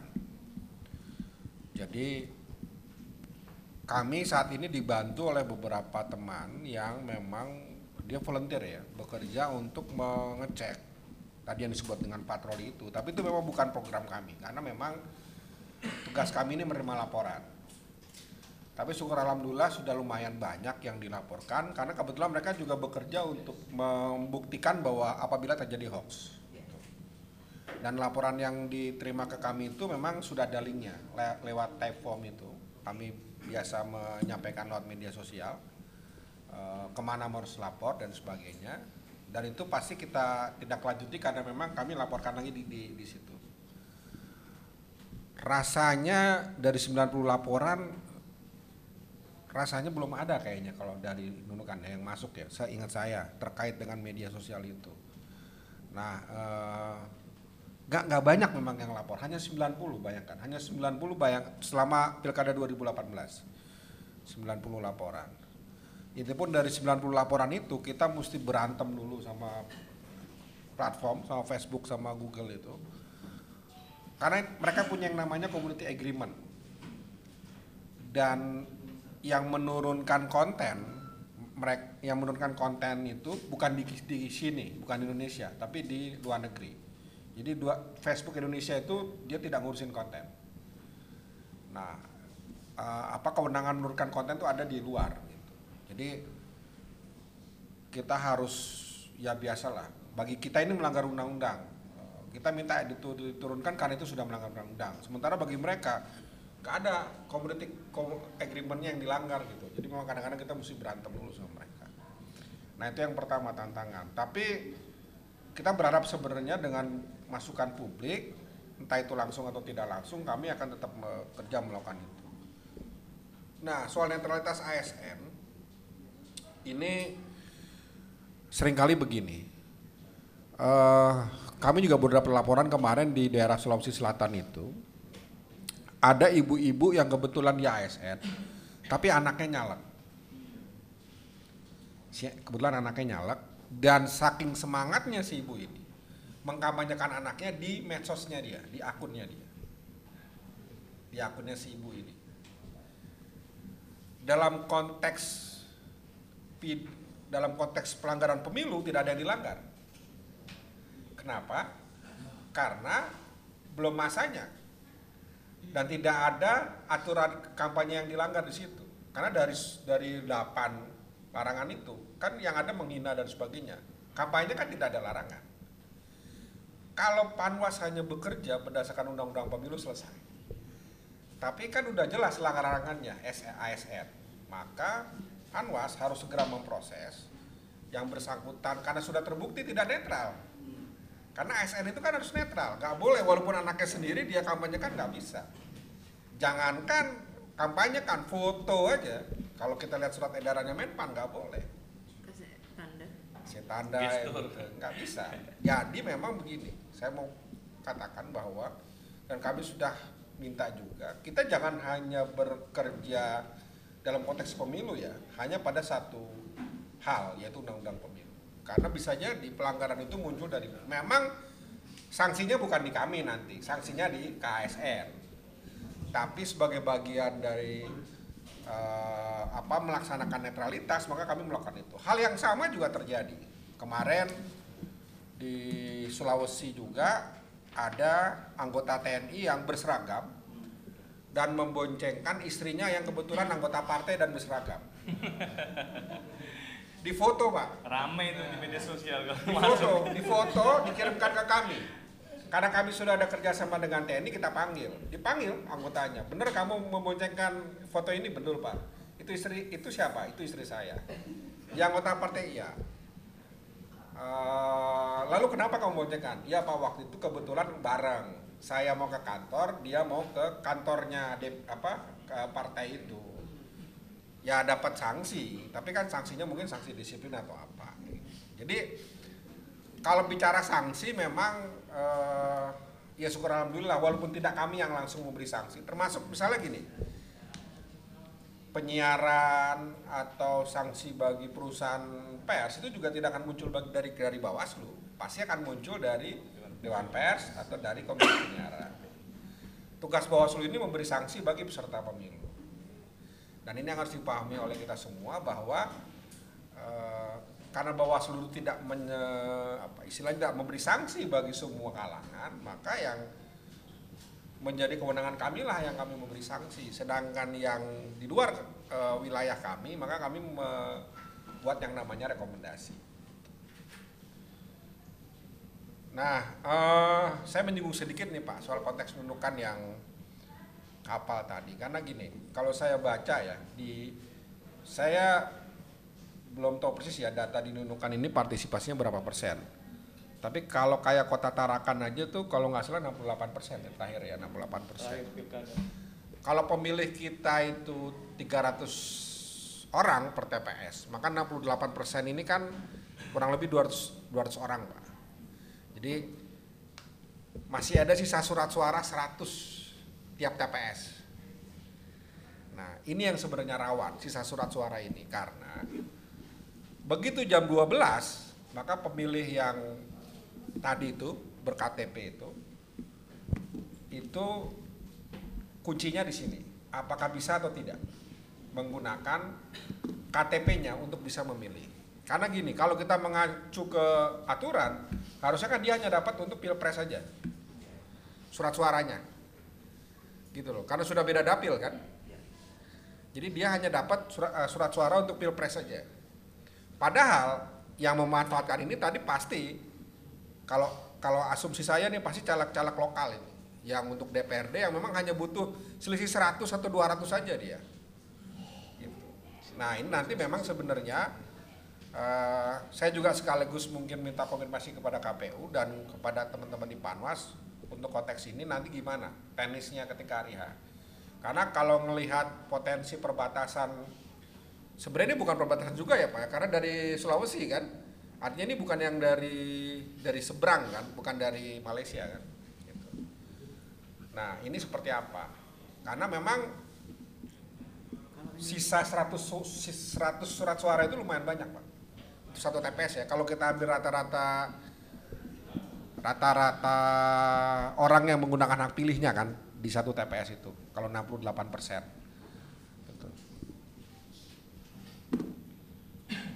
Oh, soal putusan DKPP, ya saya kira sebenarnya harus dipatuhi, tapi kan nggak mungkin berlaku surut, Pak. Jadi kalau baru diputusnya setelah seleksi, ya nggak mungkin, gitu loh. Tapi tentu kalau seleksinya belum selesai, harusnya bisa dirubah. Yang penting sekarang persoalannya seleksinya udah selesai apa belum? Nah, kalau seleksinya belum, ya harusnya KPU segera merubah, karena itu seleksi di KPU kan. Dan pasti biasanya putusan DKPP itu Bawaslu diminta untuk mengawasi. Selalu ada itu di amarnya itu. Memerintahkan kepada Bawaslu untuk mengawasi putusan DKPP. Dan kami pasti akan melakukan pengawasan terhadap itu dan nanti akan melaporkan kepada DKPP seperti apa pengawasan kami. Biasanya dikasih waktu dua minggu biasanya untuk mengawasi. Saya kira itu dari saya mungkin ditambahkan teman KPU dan Pak Kahar, Bu Bana atau silakan. Oke saya tambahkan aja Ah. supaya lengkap kan Iya. informasi dari Pak Tenaga Ahli. Ya terkait eh, patroli di medsos ini memang kita akui masih sangat eh, apa sangat minim ya. Dan inilah tentunya kita mengajak kepada semua penggiat media sosial untuk membantu kami kalau ada eh, konten-konten pada akun itu yang memang melanggar ketentuan perundang-undangan. Seperti yang dilakukan misalkan Pak Edi kan sempat melaporkan eh, salah satu ASN eh, yang tidak netral. Itu juga kan dilakukan di media sosial Pak ya. Dan kita juga eh, sudah menindaklanjutinya. Seperti itu. Dan eh, termasuk laporan ASN tidak netral itu yang dilakukan oleh eh, BKD ya. Itu juga berasal dari postingan-postingan di ASN itu sudah kita selesaikan ya. Dari empat orang yang terlapor itu hanya dua orang yang terbukti melanggar ya. Kajiannya sudah lengkap begitu berdasarkan hasil klarifikasi yang dilakukan oleh Badan Pengawas Pemilu Kabupaten Nukan. Dan seperti yang dikatakan Pak Sulastio tadi ya karena eh, kembali lagi nanti itu ke BKD-nya dalam hal penerapan sanksi. Karena memang di Undang-Undang 7 2017 terkait netralitas ASN itu norma yang mengaturnya sangat minim sekali, Pak Dian. Minim sekali.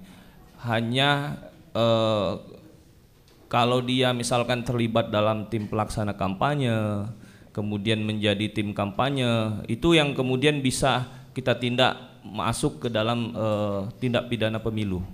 Ya, kalau dia terkait pasal 283 ayat 1 ayat 2 ayat 3 terkait kegiatan yang dia lakukan yang berisi ajakan himbauan ya, itu nanti kembali ke BKD kalau kita bisa buktikan. Makanya pasal 283 itu kita katakan pasal banci, Pak. Ini candaan teman-teman. Karena sanksinya nggak ada di di di undang-undang pemilu seperti itu. Kembali lagi ke Komisi ASN ataupun BKD pemerintah daerah setempat dalam menerapkan sanksi. Tapi setiap rekomendasi yang kita keluarkan itu Pak ke pemerintah daerah, ke BKD itu pasti akan kita kawal. Ya, sejauh ini dua orang ASN yang sudah kita nyatakan terbukti melakukan pelanggaran, kita beberapa hari lalu itu sudah mengkonfirmasi ke BKD sejauh mana e, terkait sanksi yang diterapkan seperti itu. Nanti kita akan sampaikan ke pers juga ya kalau ada jawaban dari BKD dan BKD sorry teman-teman media juga bisa langsung bertanya ke BKD sejauh mana putusan sanksi terkait e, rekomendasi Bawaslu yang sudah melakukan kajian berdasarkan klarifikasi yang sudah dilakukan terhadap dua pelanggar e, dugaan pelanggaran ASN tadi dua dugaan pelanggaran netralitas ASN tadi begitu itu nanti e, bisa langsung ditanyakan ke pemerintah daerah karena memang bupati dalam hal ini berdasarkan hasil pertemuan kami berkomitmen akan itu terhadap netralitas ASN. Nah, ini kita kawal bersama-sama sehingga keluarlah surat edaran bupati terkait netralitas ASN, kepala desa dan perangkat desa. Ya, kenapa ASN ini harus netral ya? Karena memang jabatan ASN ini sangat strategis, Pak ya sangat strategis. Dia menyangkut pelayanan publik. Jangan sampai ketika kemudian dia tidak netral ya, pelayanan publik itu menjadi diskriminatif terhadap misalkan eh, pilihan-pilihan perbedaan pilihan politik begitu. Nah, itu yang kita harapkan sehingga ASN harus berdiri netral dan juga TNI dan Polri itu ya harus netral karena kalau sudah TNI dan Polri itu tidak netral waduh saya bisa bayangkan pemilu kita pasti akan kacau Pak begitu. Sehingga memang tapi saya yakin Panglima TNI dan Kapolri sudah juga uh, menginstruksikan dan melakukan pembinaan ke bawahnya terkait uh, netralitas ASN ini seperti itu. Terkait netralitas uh, TNI Polri. Nah, yang perlu memang dikawal kita bersama itu kepala desa dan perangkat desa Bapak Ibu semua. Ini yang kadang kami jadi jadi apa? Jadi apa ya? Ini yang menjadi fokus kita lah di Bawaslu sehingga kami berkeliling di beberapa tempat itu untuk mensosialisasikan ini. Karena ada beberapa kepala desa juga itu tidak tidak memahami. Bahkan ada kepala desa yang mengatakan lah kami ini kan boleh cuti nanti kalau mau kampanye. Ya kan gitu? Ini kan ketidakpahaman. Dia menganggap bahwa kepala desa itu sama dengan jabatan bupati ya yang bisa cuti dalam melakukan kampanye Padahal kan tidak ada aturan cuti dalam uh, dalam uh, jabatan kepala desa sehingga dia bisa melakukan kampanye politik begitu. Nah, kita tahulah jabatan kepala desa ini kan sangat strategis ya, sangat dekat sekali dengan masyarakat dan sangat seksi sekali dalam pandangan misalkan uh, politisi dalam hal meraih uh, dukungan begitu. Sehingga memang kepala desa ini selalu menjadi sasaran. Tetapi memang uh, dalam hal misalkan ada juga yang bertanya, bagaimana kalau kepala desa kita sekedar hadir di dalam satu kampanye politik begitu kan? Ya bisa aja kita lihat kehadiran Bapak itu sebagai apa nanti? ya kan gitu. Kalau kehadiran Bapak juga menggunakan atribut, ya kan begitu kan?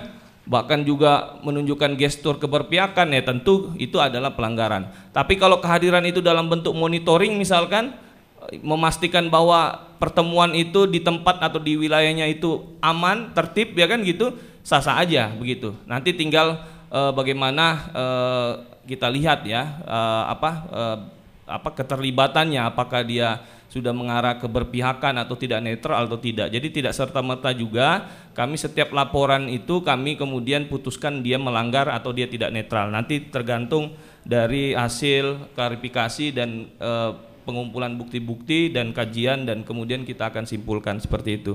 Nah memang seperti saya tegaskan tadi norma terkait netralitas ASN ini Pak sangat minim sekali. Nah nanti kembali kepada undang-undang uh, ASN-nya dan peraturan uh, pemerintah terkait manajemen ASN ya Pak Dian yang mengatur terkait netralitas itu seperti itu. Uh, kemudian terkait uh, jumlah personil kami ya tentu sesuai undang-undang di, di setiap kabupaten kota itu jumlah pengawas pemilu itu hanya tiga ya hanya tiga untuk tingkat kabupaten ya namanya sekarang Badan Pengawas Pemilu. Kalau dulu panitia pengawas pemilu ya sudah dikukuhkan pada bulan Agustus 2018 tadi sehingga eh, Badan Pengawas Pemilu di tingkat kabupaten itu permanen ya lima tahun dan akan berkelanjutan tinggal nanti siapa yang mengisi. Terus kemudian di tingkat kecamatan tuh ada tiga juga di setiap kecamatan ya tiga komisioner untuk Panwaslu atau panitia pengawas pemilu kecamatan. Terus kemudian di tingkat kelurahan dan desa itu ada satu orang ya satu orang pengawas pemilu kelurahan ataupun desa. Ada satu orang karena jumlah desa kita itu 240 maka jumlah pengawas kelurahan dan desa kita itu jumlahnya 240 panwascam kita jumlahnya 19 karena kecamatan kita 19 dan dalam waktu mendatang ya kami juga akan melakukan rekrutmen terhadap pengawas TPS ya pengawas TPS disesuaikan dengan jumlah TPS yang ada di Kabupaten Nunukan 700 berapa Pak Kahar? 700 56. Nanti kita akan melakukan rekrutmen juga terkait uh, pengisian SDM pengawas aparatur sorry aparatur pengawas TPS. Di setiap TPS ada pengawas uh, pemilu atau pengawas TPS di sana. Hanya saja memang tantangan kita itu seperti yang disampaikan oleh Pak Kahar tadi sama usia pengawas TPS itu harus 25 tahun. Ya, harus 25 tahun dan harus sudah berpendidikan minimal SMA. Nah, ini kendala kita memang seperti yang disampaikan oleh Pak Kahar tadi ada di beberapa tempat atau banyak ya. Banyak di beberapa tempat di Kabupaten Nukan, khususnya di daerah-daerah pedalaman itu untuk mendapatkan usia 25 tahun dan berpendidikan SMA secara kumulatif itu sangat susah. Sangat sulit sekali. Di Lumbis Ogong itu ada desa yang jumlah pemilihnya izin. Pak TA ada di Lumbis Ogong itu yang jumlah pemilihnya itu hanya 20 orang. 20 orang. Di desa itu hanya jumlah pemilihnya 20 orang. Dan itu banyak ya hanya 40 30 kalau 20 orang itu kita bisa dapat kita bisa bayangkan ya berapa orang yang punya usia 25 orang di situ 25 tahun di situ atau pendidikan SMA belum lagi dia jadi saksi parpol ya. Pasti tidak boleh kan? Karena pengawas TPS itu mutlak hukumnya itu adalah harus net netral juga gitu kan, bukan pengurus parpol. Jadi ini mungkin ini sudah kita sampaikan langsung Pak. Pak TA izin sama Bapak Ketua Bawaslu RI pada saat berkunjung ke ke Tarakan ya kita sudah sampaikan ya waktu kita diskus sama beliau. Dan kami juga sudah sampaikan juga Pak Tea di rakor baru-barusan di Jakarta kami juga sudah menyampaikan ini. Semoga nanti ada semacam apa ya semacam uh, kayak kita menunggu kebijakan lah dari Bawaslu RI berkaitan dengan ini. Kalau kami menghadapi kondisi-kondisi yang sangat mentok seperti itu apa yang harus kami lakukan? Karena memang tantangannya di pedalaman itu ya kalau di Nunukan ada Pak Yupal sudah angkat tangan tadi saya siap katanya. Seperti itu kan? Kalau di pedalaman itu sangat sulit ya kalau di Sebatik relatif SDM-nya banyak lah ya. Meskipun tantangannya juga tetap ada. Karena usia 25 tahun itu usia yang sangat sulit untuk didapatkan. Seperti itu. Beririsan dengan pendidikan SMA yang netral. Kalau yang tidak netral banyak ya kan? Yang tidak netral itu banyak. Jangan-jangan nanti dia jadi sudah sudah jadi anggota parpol. Pasti itu tidak boh tidak boleh. Sehingga ini juga eh, mohon teman-teman media juga bisa eh, memberikan masukan dan saran kepada kami untuk dalam rangka penguatan eh, pemenuhan eh, SDM kami di nanti di pengawas TPS yang kurang lebih kita rekrut itu sekitar bulan-bulan 2 atau bulan 3 ya Pak TA. Karena masa jabatannya itu 23 hari sebelum hari H dan tujuh hari setelah hari hari H. Pengawas TPS ini sangat penting Bapak Ibu semua karena dia nanti akan berada di posisi di tempat yang paling kritis, di tempat di mana eh, apa di mana calon-calon itu menaruh nasibnya di situ. Ya, dia menang atau kalah itu ya di situ. Ya, bagaimana hasilnya? Sehingga nanti ini jadi jadi tantangan besar. Termasuk nanti juga akan bersama-sama dengan saksi partai melakukan pengawasan dan media juga akan melakukan pengawasan kita harapkan karena nanti kalau tidak salah itu dalam Undang-Undang 7 2017 saksi partai juga dilatih, Pak Pak Teh ya. Iya, dilatih oleh Bawaslu. Nanti teknisnya seperti apa kami tinggal menunggu arahan. Pelatihannya di kecamatan. Ya, pelatihannya nanti di kecamatan nanti teknisnya seperti apa kami tunggu menunggu, menunggu, menunggu arahan dari Bawaslu RI. Nah terkait DKPP, terkait putusan DKPP ini eh, sebenarnya ini kan bulan berapa ya Pak Kahar ya? Uh, putusan DKPP ini sebenarnya ada Pak amar putusannya itu berkaitan dengan kita mengawasi ya hasil putusan itu. Nah, sanksi itu sudah diberikan karena itu memang sanksi administrasi itu sudah diberikan teguran kepada KPU Nunukan yang memang pada saat itu terbukti melakukan uh, pelanggaran kode etik berdasarkan proses persidangan uh, TPD bersama DKPP. Sudah sudah kita awasi dan sanksi itu sudah diberikan oleh KPU provinsi ya dalam bentuk teguran dan kemudian uh, apakah kemudian berimplikasi pada proses tim seleksi? Ini tergantung lagi tim selnya mempertimbangkan itu ya karena ini kan pelanggaran etika, apakah tim selnya mempertimbangkan itu atau tidak? Ya kan begitu. Kan teman-teman eh, LSM juga sudah menyuarakan ini. Kami juga sudah mengkomunikasikan langsung secara secara lisan. Waktu itu memang tim sel minta kita secara tulisan, ya, untuk kemudian me men-tracking teman-teman calon yang ada, calon KPU yang ada. Tapi kami menganggap bahwa itu bukan kewenangan kami sehingga kami tidak melakukan itu. Ada surat secara tertulis resmi dari tim sel itu meminta Bawaslu untuk men-tracking. Ya, tapi karena kita bekerja berdasarkan undang-undang ya kan, kami tidak tidak tidak dalam hal ini punya kewenangan dalam hal men-tracking. Hanya saja kami memberi masukan secara lisan dan mengingatkan kepada tim sel juga terkait putusan DKPP yang sudah dikeluarkan eh, apa dikenakan kepada teman-teman yang ikut tes yang incumbent atau petahana tadi seperti itu. Nah itu nanti kembali kepada tim selnya. Tim selnya mau mempertimbangkan atau tidak seperti itu. Karena sanksi itu sudah diberikan. Ya sanksi itu sudah diberikan, nggak mungkin kan diberikan sanksi dua kali lagi, ya kan begitu kan? Tapi bisa jadi pertimbangan tim sel dalam hal etik, ya bahwa yang bersangkutan layak atau tidak lagi menduduki jabatan KPU. Termasuk nanti mungkin ya KPU RI juga dalam hal melakukan EPT fit and proper test menuju lima besar itu akan mempertimbangkan hasil putusan DKPP tadi. Apakah layak, apakah relevan ya kan begitu kan? Ini kemudian dijadikan pertimbangan untuk memutuskan lima orang empat orang petahana ini yang misal empat orang ya yang lolos 10 besar ini menjadi uh, lima besar lagi atau menjadi komisioner lagi. Ini tergantung nanti tim sel sudah selesai ya Kemudian tergantung lagi KPU RI dalam memutuskan. Ya, saya tidak tahu apakah ada pelimpahan ke KPU Provinsi Kaltara dalam memutuskan atau seperti apa itu teknis nanti diatur internal dari KPU. Silakan nanti Bapak Ibu semua yang kurang puas terhadap hasil tim sel tadi bisa langsung mengkomunikasikannya ke KPU. Ya, kita pengawas pemilu sudah menyampaikan ini Bapak Ibu semua terkait putusan DKPP tadi. Karena memang laporannya pada saat itu masuk ke Bawaslu. Laporan kode etik pemilu kemarin itu masuk ke Bawaslu dan kemudian kita proses dan kita teruskan ke DKPP. Itu mungkin ya jawaban kami dari Bawaslu berkaitan tentang eh, apa yang belakangan ini jadi polemik terkait putusan DKPP seperti itu. Mungkin itu ya yang relevan untuk kami jawab pada kesempatan kali ini ya e, terkait mobilisasi sedikit ya mobilisasi ini memang penting Pak terkait mobilisasi ini kalau saya memahami perbatasan itu ada dua, perbatasan antar kabupaten kota dan perbatasan antara Indonesia dan Malaysia. Nah, ada beberapa titik Pak yang sudah kita uh, buat sketsa, ya, izin Pak TA. Ada beberapa titik yang sudah kita buat sketsa TPS-TPS yang memang rawan, termasuk di Sungai Limau Pak ya. TPS yang memang langsung beririsan satu daratan dengan dengan apa dengan Malaysia yang langsung bisa diakses lewat darat seperti itu. Memang modusnya itu bisa jadi ada kelebihan kertas suara dan itu dimanfaatkan. Nah, ini tinggal makanya kami bersama KPU itu berjibaku saat ini untuk ada kaitannya dengan apa hari H adalah terkait akurasi data.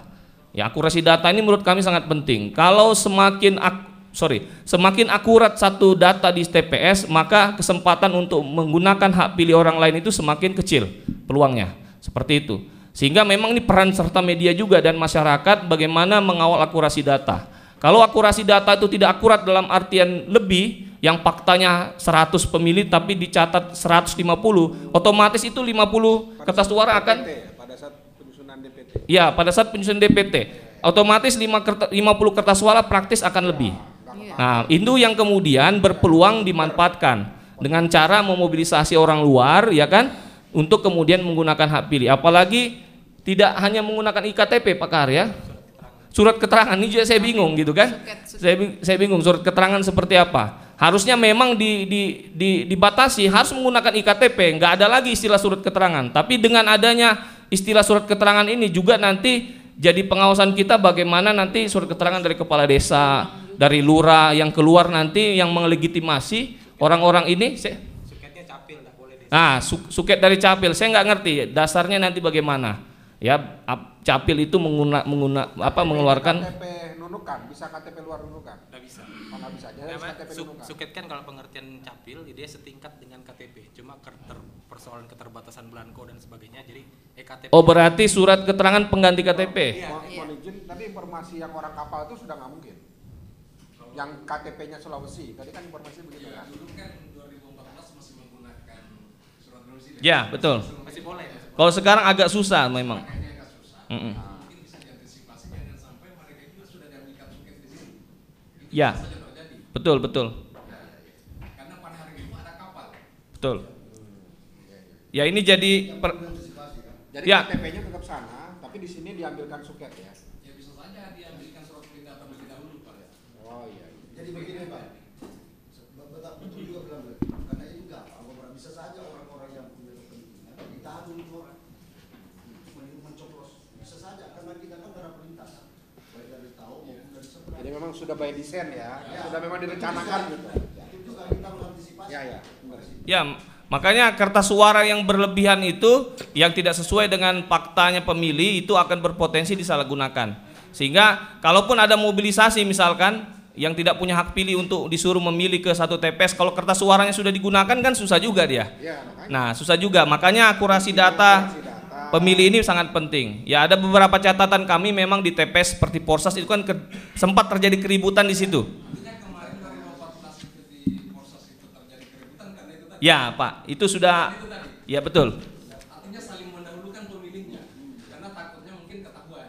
ya KPPS-nya harus tegas. Eh, Ya. Yang istilahnya tambahan tuh sebelum jam 12, apa, setelah jam 12. Ya, mungkin ini nanti bisa dijawab lah.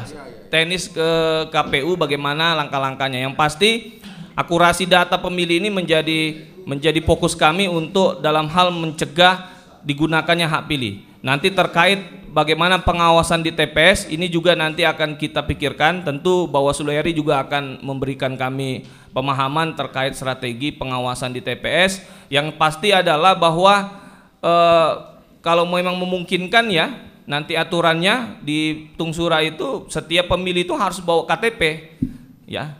Tidak hanya C6 begitu kan? Sehingga kita gampang mem- memverifikasinya. Ini benar nggak orangnya? Ya kan? Benar nggak orang yang membawa C6 ini adalah orang yang sebenarnya dengan cara memperlihatkan KT, KTP kalau sudah seperti itu tidak ada saya kira celahnya agak susah lagi sangat sangat susah sekarang itu kan cukup bawa C6 cukup bawa C6 kemudian dia bisa memilih begitu Sama distribusi C6.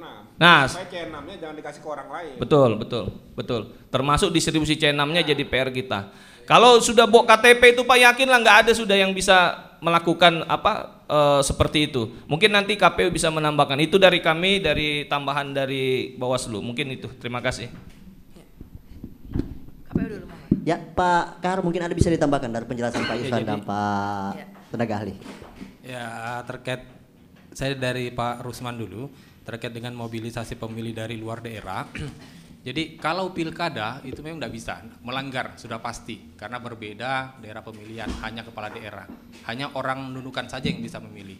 Nah, untuk pemilu itu selagi dia warga negara Indonesia dia punya hak pilih meskipun dari Sulawesi Selatan dari Papua datang ke sini dia masih bisa menggunakan hak pilihnya dengan ketentuan dia masuk dalam kategori pemilih pindah atau pemilih pe, daftar pemilih tambahan.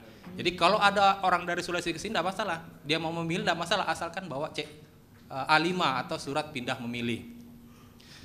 Dalam pemil, uh, dalam kategori pemilih di tingkat TPS itu ada tiga kategori. Pertama, daftar pemilih tetap yang insya Allah hari ini akan ditetapkan oleh KPU RI hari ini tanggal 15. Uh, daftar pemilih tetap hasil penyempurnaan kedua kalinya sudah enam kali pleno. Mudah-mudahan relatif lebih akurat dibandingkan pemilu sebelumnya. Kalau sebelumnya hanya satu kali pleno DPT selesai, sehingga uh, mudah-mudahan pemilu nanti ini lebih akurat karena enam kali pleno kita. Secara itu yang pertama, ya, secara nasional. Kemudian yang kedua, mereka yang terdaftar dalam daftar pemilih pindah yang saya maksud tadi itu. Orang Sulawesi datang ke sini bawa A5, dia bisa menggunakan hak pilihnya, tapi dengan ketentuan dia tidak bisa lengkap mendapatkan 5 susu. Susu itu surat suara. Kalau orang Sulawesi datang ke sini dia hanya berhak mendapatkan satu susu, yaitu presiden dan wakil presiden. Dia tidak berhak mendapatkan surat suara DPRD kabupaten kota, provinsi, DPR RI dan DPD RI karena sudah berbeda daerah pemilihan. Orang Tarakan datang ke sini dia bisa memilih, bisa. Dia hanya bisa memilih tiga surat suara presiden, pro, presiden, DPD RI dan DPR RI. DPRD kabupaten nggak bisa, kenapa? karena sudah beda dapil. Provinsinya tidak bisa karena apa? Beda dapil antara Tarakan dan Nunukan sudah berbeda dapil. Tergantung dia lintas dapil atau tidak. Kemudian yang ketiga, kategori pemilih pengguna KTP elektronik. Mereka yang tidak terdaftar dalam DPT, tidak terdaftar dalam daftar pemilih tambahan atau pindahan, mereka bisa selagi memiliki EKTP, e, kartu tanda penduduk elektronik, dia bisa menggunakan hak pilihnya di atas jam 12 sampai jam 1 siang dengan uh, resiko tidak ada alokasi khusus susunya. Nah, dalam ketentuan undang-undang, alokasi susu itu di TPS hanya ada dua. Mereka yang terdaftar dalam DPT dan mereka yang terdaftar dalam daftar pemilih tambahan atau pindah. Itu yang teralokasi khusus. DP, DPK bagaimana atau daftar pemilih khusus? Dia hanya berharap sisa-sisa surat suara atau cadangan 2% selagi masih ada bisa digeser ya. Atau kalau di TPS bersangkutan habis surat suaranya, dia bisa digeser ke TPS terdekat. Jadi proses itu bagaimana? Gitu. Nah, itu jadi di proses gimana? Itu kelemahan kemarin kami akui bahwa terdeteksinya itu kehabisan surat suara itu di akhir-akhir. Pada saat jam 12 sampai jam setengah satu baru ketahuan ini surat suaranya habis. Sementara petugas KPPS masih mencatat daftar pemilih khusus pengguna KTP, tidak melihat sisa susunya.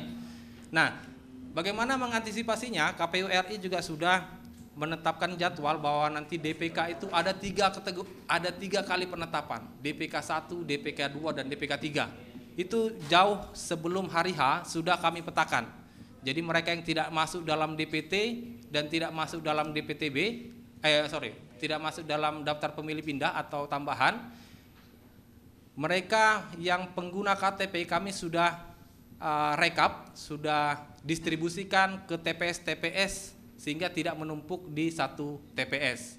Kejadian di 2014 itu DPK atau pengguna KTP tidak terekap dan baru terdeteksi pada jam 12 ke atas sehingga menumpuk di satu TPS. Dan insya Allah kejadian itu diantisipasi sudah oleh KPU RI dengan tahapannya menetapkan DPK 1, DPK 2, dan DPK 3. Berarti anu ya, bukan kertas suara yang bergeser ya? Bukan. Susunya tidak boleh bergeser.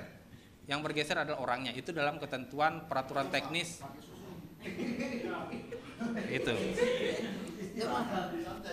Jadi orang Sulawesi saya pikir mobilisasi itu tidak serta merta berarti negatif. Orang justru kami berterima kasih kalau ada orang yang memobilisasi pemilih datang ke TPS selagi sesuai dengan ketentuan. Ya. karena orang Sulawesi masih bisa punya hak suara dia memilih presiden, presiden. kemudian uh, terkait pertanyaan Pak Mansur, saya tidak berkomentar soal proses seleksi karena saya sebagai peserta. Saya di dalamnya namun saya masih percaya saya masih percaya dengan tim seleksi integritasnya dan kami sudah lolos seleksi administrasi, kami lolos tahapan uji kompetensi dengan proses CAT, proses psikologi, wawancara dan kesehatan alhamdulillah masih uh, dianggap layak masuk ke dalam 10 besar. Namun itu ke depannya tergantung dari RI menilai patut atau tidak layak atau tidak patutnya kami masih bertahan atau tidak. Saya secara pribadi tidak ada persoalan dengan Kalau minta kasih lagi. Clear itu clear. Ini live ini live ini. Kemudian terkait dengan kotak suara, memang kotak suara semua yang plat itu di, sudah dilelang Pak, sudah diganti dengan kotak suara, kedap suara. Saya tidak mengartikan kardus, kedap suara bahasanya. Eh kedap sorry, kedap air, bukan kedap kedap air. Memang karton, cuma dia ketika ada tempias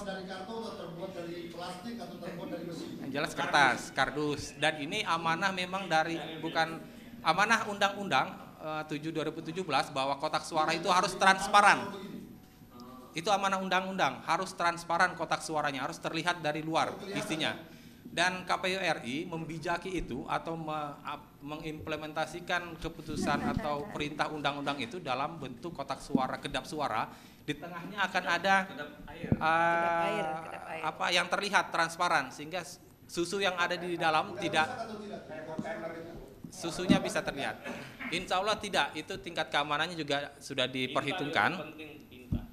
Ah, susunya bisa terlihat. Begitu Pak Mansur. Kalau kaleng nggak kelihatan. Saya kalau dia pribadi sama. Ya, ya. Kalau minta kasih lagi. Mungkin itu Pak. Mungkin itu Pak ya. Ah, kalau yang lain saya pikir cukup. Terima kasih. Ibu, ada tambahan? Eh, terima kasih hadirin dan pendengar RRI Nunukan. Kita harus sapa karena stay tune dia di program 1 RRI Nunukan. Em, saya pikir kok saya jadi optimis ini Pak melihat teman-teman dari media eh, betul-betul nanti insya Allah Mas da- dari KPU dan Bawaslu eh, lebih ringan tugasnya untuk mengawal pemilu ini menjadi eh, pemilu yang berkualitas seperti yang disampaikan tadi. Prinsip sebenarnya kita sepakat eh, Bawaslu dan juga KPU kita media semuanya online, TV dan radio kita akan mengawal ini dengan bagus. Terkait dengan independensi tadi saya ingin mengatakan bahwa eh, independensi ASN tadi saya akan menggaransi, tapi tolong juga teman-teman media, tolong diberitahu kepada saya ketika ada teman-teman dari RRI tidak bersikap dan berlaku eh, netral. Karena itu nggak ada ampun lagi. Ini Mas Rusdi juga harus ketahui dan teman-teman. Iya Mas? Iya. Itu aturan, Pak. Nggak bisa. Jangankan eh, berpihak, memberikan like saja di eh, media sosial, jempol dan lain-lain itu sudah menjadi kesalahan fatal bagi ANS. Selain barangkali, mohon maaf ketika nanti eh, para peserta baik itu dari partai ataupun caleg akan meminjam eh, sound system kami, kami juga nggak bisa digunakan untuk itu. Sound system, apalagi petugasnya, MC-nya, dan lain-lain gedungnya itu tidak dimanfaatkan. Artinya saya ingin mengatakan bahwa sebegitu detailnya pimpinan kami untuk benar-benar menyajikan eh, pemilu ini menjadi pemilu yang berkualitas. Terakhir terima kasih eh, kami diingatkan untuk membuat acara-acara yang sifatnya eh, lebih soft nanti mengajak para tokoh agama, penyelenggara pemilu untuk menyuarakan secara bersama kita ciptakan pemilu yang damai di Kabupaten Nunukan. Itu saja tambahan saya. Terima kasih. Baik, kita berikan aplaus dulu kepada empat narasumber. Assalamualaikum. Ya, pendengar di mana pun Saya minta anggaran itu supaya dipercepat untuk kabupaten karena faktor geografis. Ini faktor geografis Pak. Ya. Bukan saya cerita Bapak rasakan sendiri Sabati. Saya tidak punya kepentingan dari Pak Mas juga. Saya juga dapat dari sini. Supaya orang-orang di Ya. bawah itu bekerja lebih tepat dan tepat sasaran. Oke, baik. Karena sebenarnya banyak sekali teman-teman yang akan melakukan pertanyaan karena kita dibatasi waktu sampai jam Ah, kita akan memberikan waktu juga untuk kepada masing-masing narasumber, masing-masing dua menit Pak untuk closing statement terkait tentang kegiatan kita bersama Bawaslu bersama media mengawal keterbukaan dan keadilan pemilu. Dari Pak Kahar KPU silakan Pak. Ya. Ya jadi eh, terima kasih atas kesempatan yang diberikan. Jadi momentum yang sangat baik bagi saya untuk terus mensosialisasikan pelaksanaan pemilu terkait dengan kegiatan Panwaslu. Saya pikir juga positif karena Pa- Bawaslu atau pengawas itu tidak dia tidak bisa hanya berharap dengan perangkatnya. Dia harus mengaktifkan partisipasi aktif masyarakat eh, eh, apa pengawasan partisipatif masyarakat untuk mengawal pelaksanaan pemilu yang lebih berintegritas. Jadi melalui kegiatan-kegiatan seperti ini saya pikir bisa lebih me- merangkul eh, seluruh elemen eh, bangsa untuk menjadi pengawas yang par- eh, apa eh, pengawas partisipatif. Mungkin seperti itu. Ya, baik. Ke Pak tenaga ahli, silakan Pak. Iya, terima kasih. Eh, tentu yang pertama apresiasi kepada juga kepada teman-teman media yang berkenan hadir dan sekali lagi tentu kami ingin berharap agar kita bisa bersama-sama mengawasi bersama pemilu kita ini dan tentu Bawaslu juga harus sering dikontrol. Artinya masyarakat harus mengontrol, media juga bisa mengontrol. Caranya gimana ya? Tentu saja dengan melaporkan. Tentu eh, kita juga tidak menutup mata. eh, jumlahnya lumayan banyak ya. Ya. Aparatur kita sampai bawah, apalagi sampai tingkat TPS. Tentu sangat susah kalau kita monitor sendiri eh, perilakunya, integritasnya. Nah harapan kami dengan apa bantuan media bisa ikut membantu menjaga karena salah satu hal yang kita eh, duga menjadi potensi kerawanan pemilu itu salah satunya adalah integritas dari penyelenggara. Hmm. Jadi saya dalam kesempatan ini ingin menyampaikan soal pentingnya soal integritas sehingga ke depan tidak ada lagi yang mempersoalkan hasil dari pemilu kita. Sebab kalau penyelenggaranya dipertanyakan integritasnya, pasti hasil pemilunya juga bisa dipersoalkan. Dipertanyakan. Jadi saya kira demikian. Terima kasih. Ya, baik Bu Bana. Eh, satu hal yang ingin saya sampaikan pada kesempatan ini, kesempatan yang berbahagia, kesempatan yang luar biasa. Ini komitmen dari penyelenggara negara, penyelenggara pemilu, baik dari KPU dan Bawaslu sampai dari pusat datang ini luar biasa. Bawaslu Kabupaten Nukan, saya pikir ini momentum yang bagus untuk kita sama-sama menyadarkan diri, menentukan sikap untuk mengawal pemilu 2019 ini menjadi pemilu yang berkualitas. Untuk itu, jangan lupa pada tanggal 17 eh, April mendatang kita salurkan hak pilih dan kita insya Allah menjadi pemilih atau memilih itu juara. Terima Baik. kasih. Oke, Pak Yusran. Ya terakhir saya hanya mau mengundang teman-teman di beberapa kegiatan Bawaslu seperti se- se- yang saya sudah sebutkan tadi kegiatan ada juga kegiatan yang cukup besar kami lakukan di Sebatik itu launching pilot project Desa Lawan Politik Uang. Nah ini juga penting ya teman-teman Bawaslu eh sorry awak media mengkampanyekan ini ya untuk bisa nanti diliput ya Desa Balansiku lawan politik uang sehingga ini menjadi eh, kampanye kita bersama. Pemilu tanpa politik uang, politisasi sara dan ujaran kebencian. Karena memang di Desa Balansiku itu Bapak Ibu semua kesadarannya dari masyarakatnya, dari stakeholder, dari masyarakatnya sehingga kami Bawaslu tuh hanya menyambut aja kesadaran mereka sehingga 22 Desember itu kita akan lakukan launching pilot project Desa Balansiku bebas atau lawan politik uang. Nah, sehingga teman-teman media bisa hadir dan bisa meliput itu semua. Terakhir, saya mau mengatakan bersama Bawaslu, bersama rakyat kita awasi pemilu, bersama Bawaslu kita tegakkan keadilan pemilu. Terima kasih, Belai Topik Walaidaya. Baik, kita berikan aplaus dulu kepada seluruh empat narasumber. Pendengar di mana pun Anda berada, demikian dialog belusukan pengawasan media catering Bawaslu bersama media mengawal keterbukaan dan keadilan pemilu di perbatasan negara Indonesia Malaysia, Kabupaten Nukan memilih itu juara. Mewakili kerabat kerja yang bertugas, saya Rusdi Salim kembali ke studio.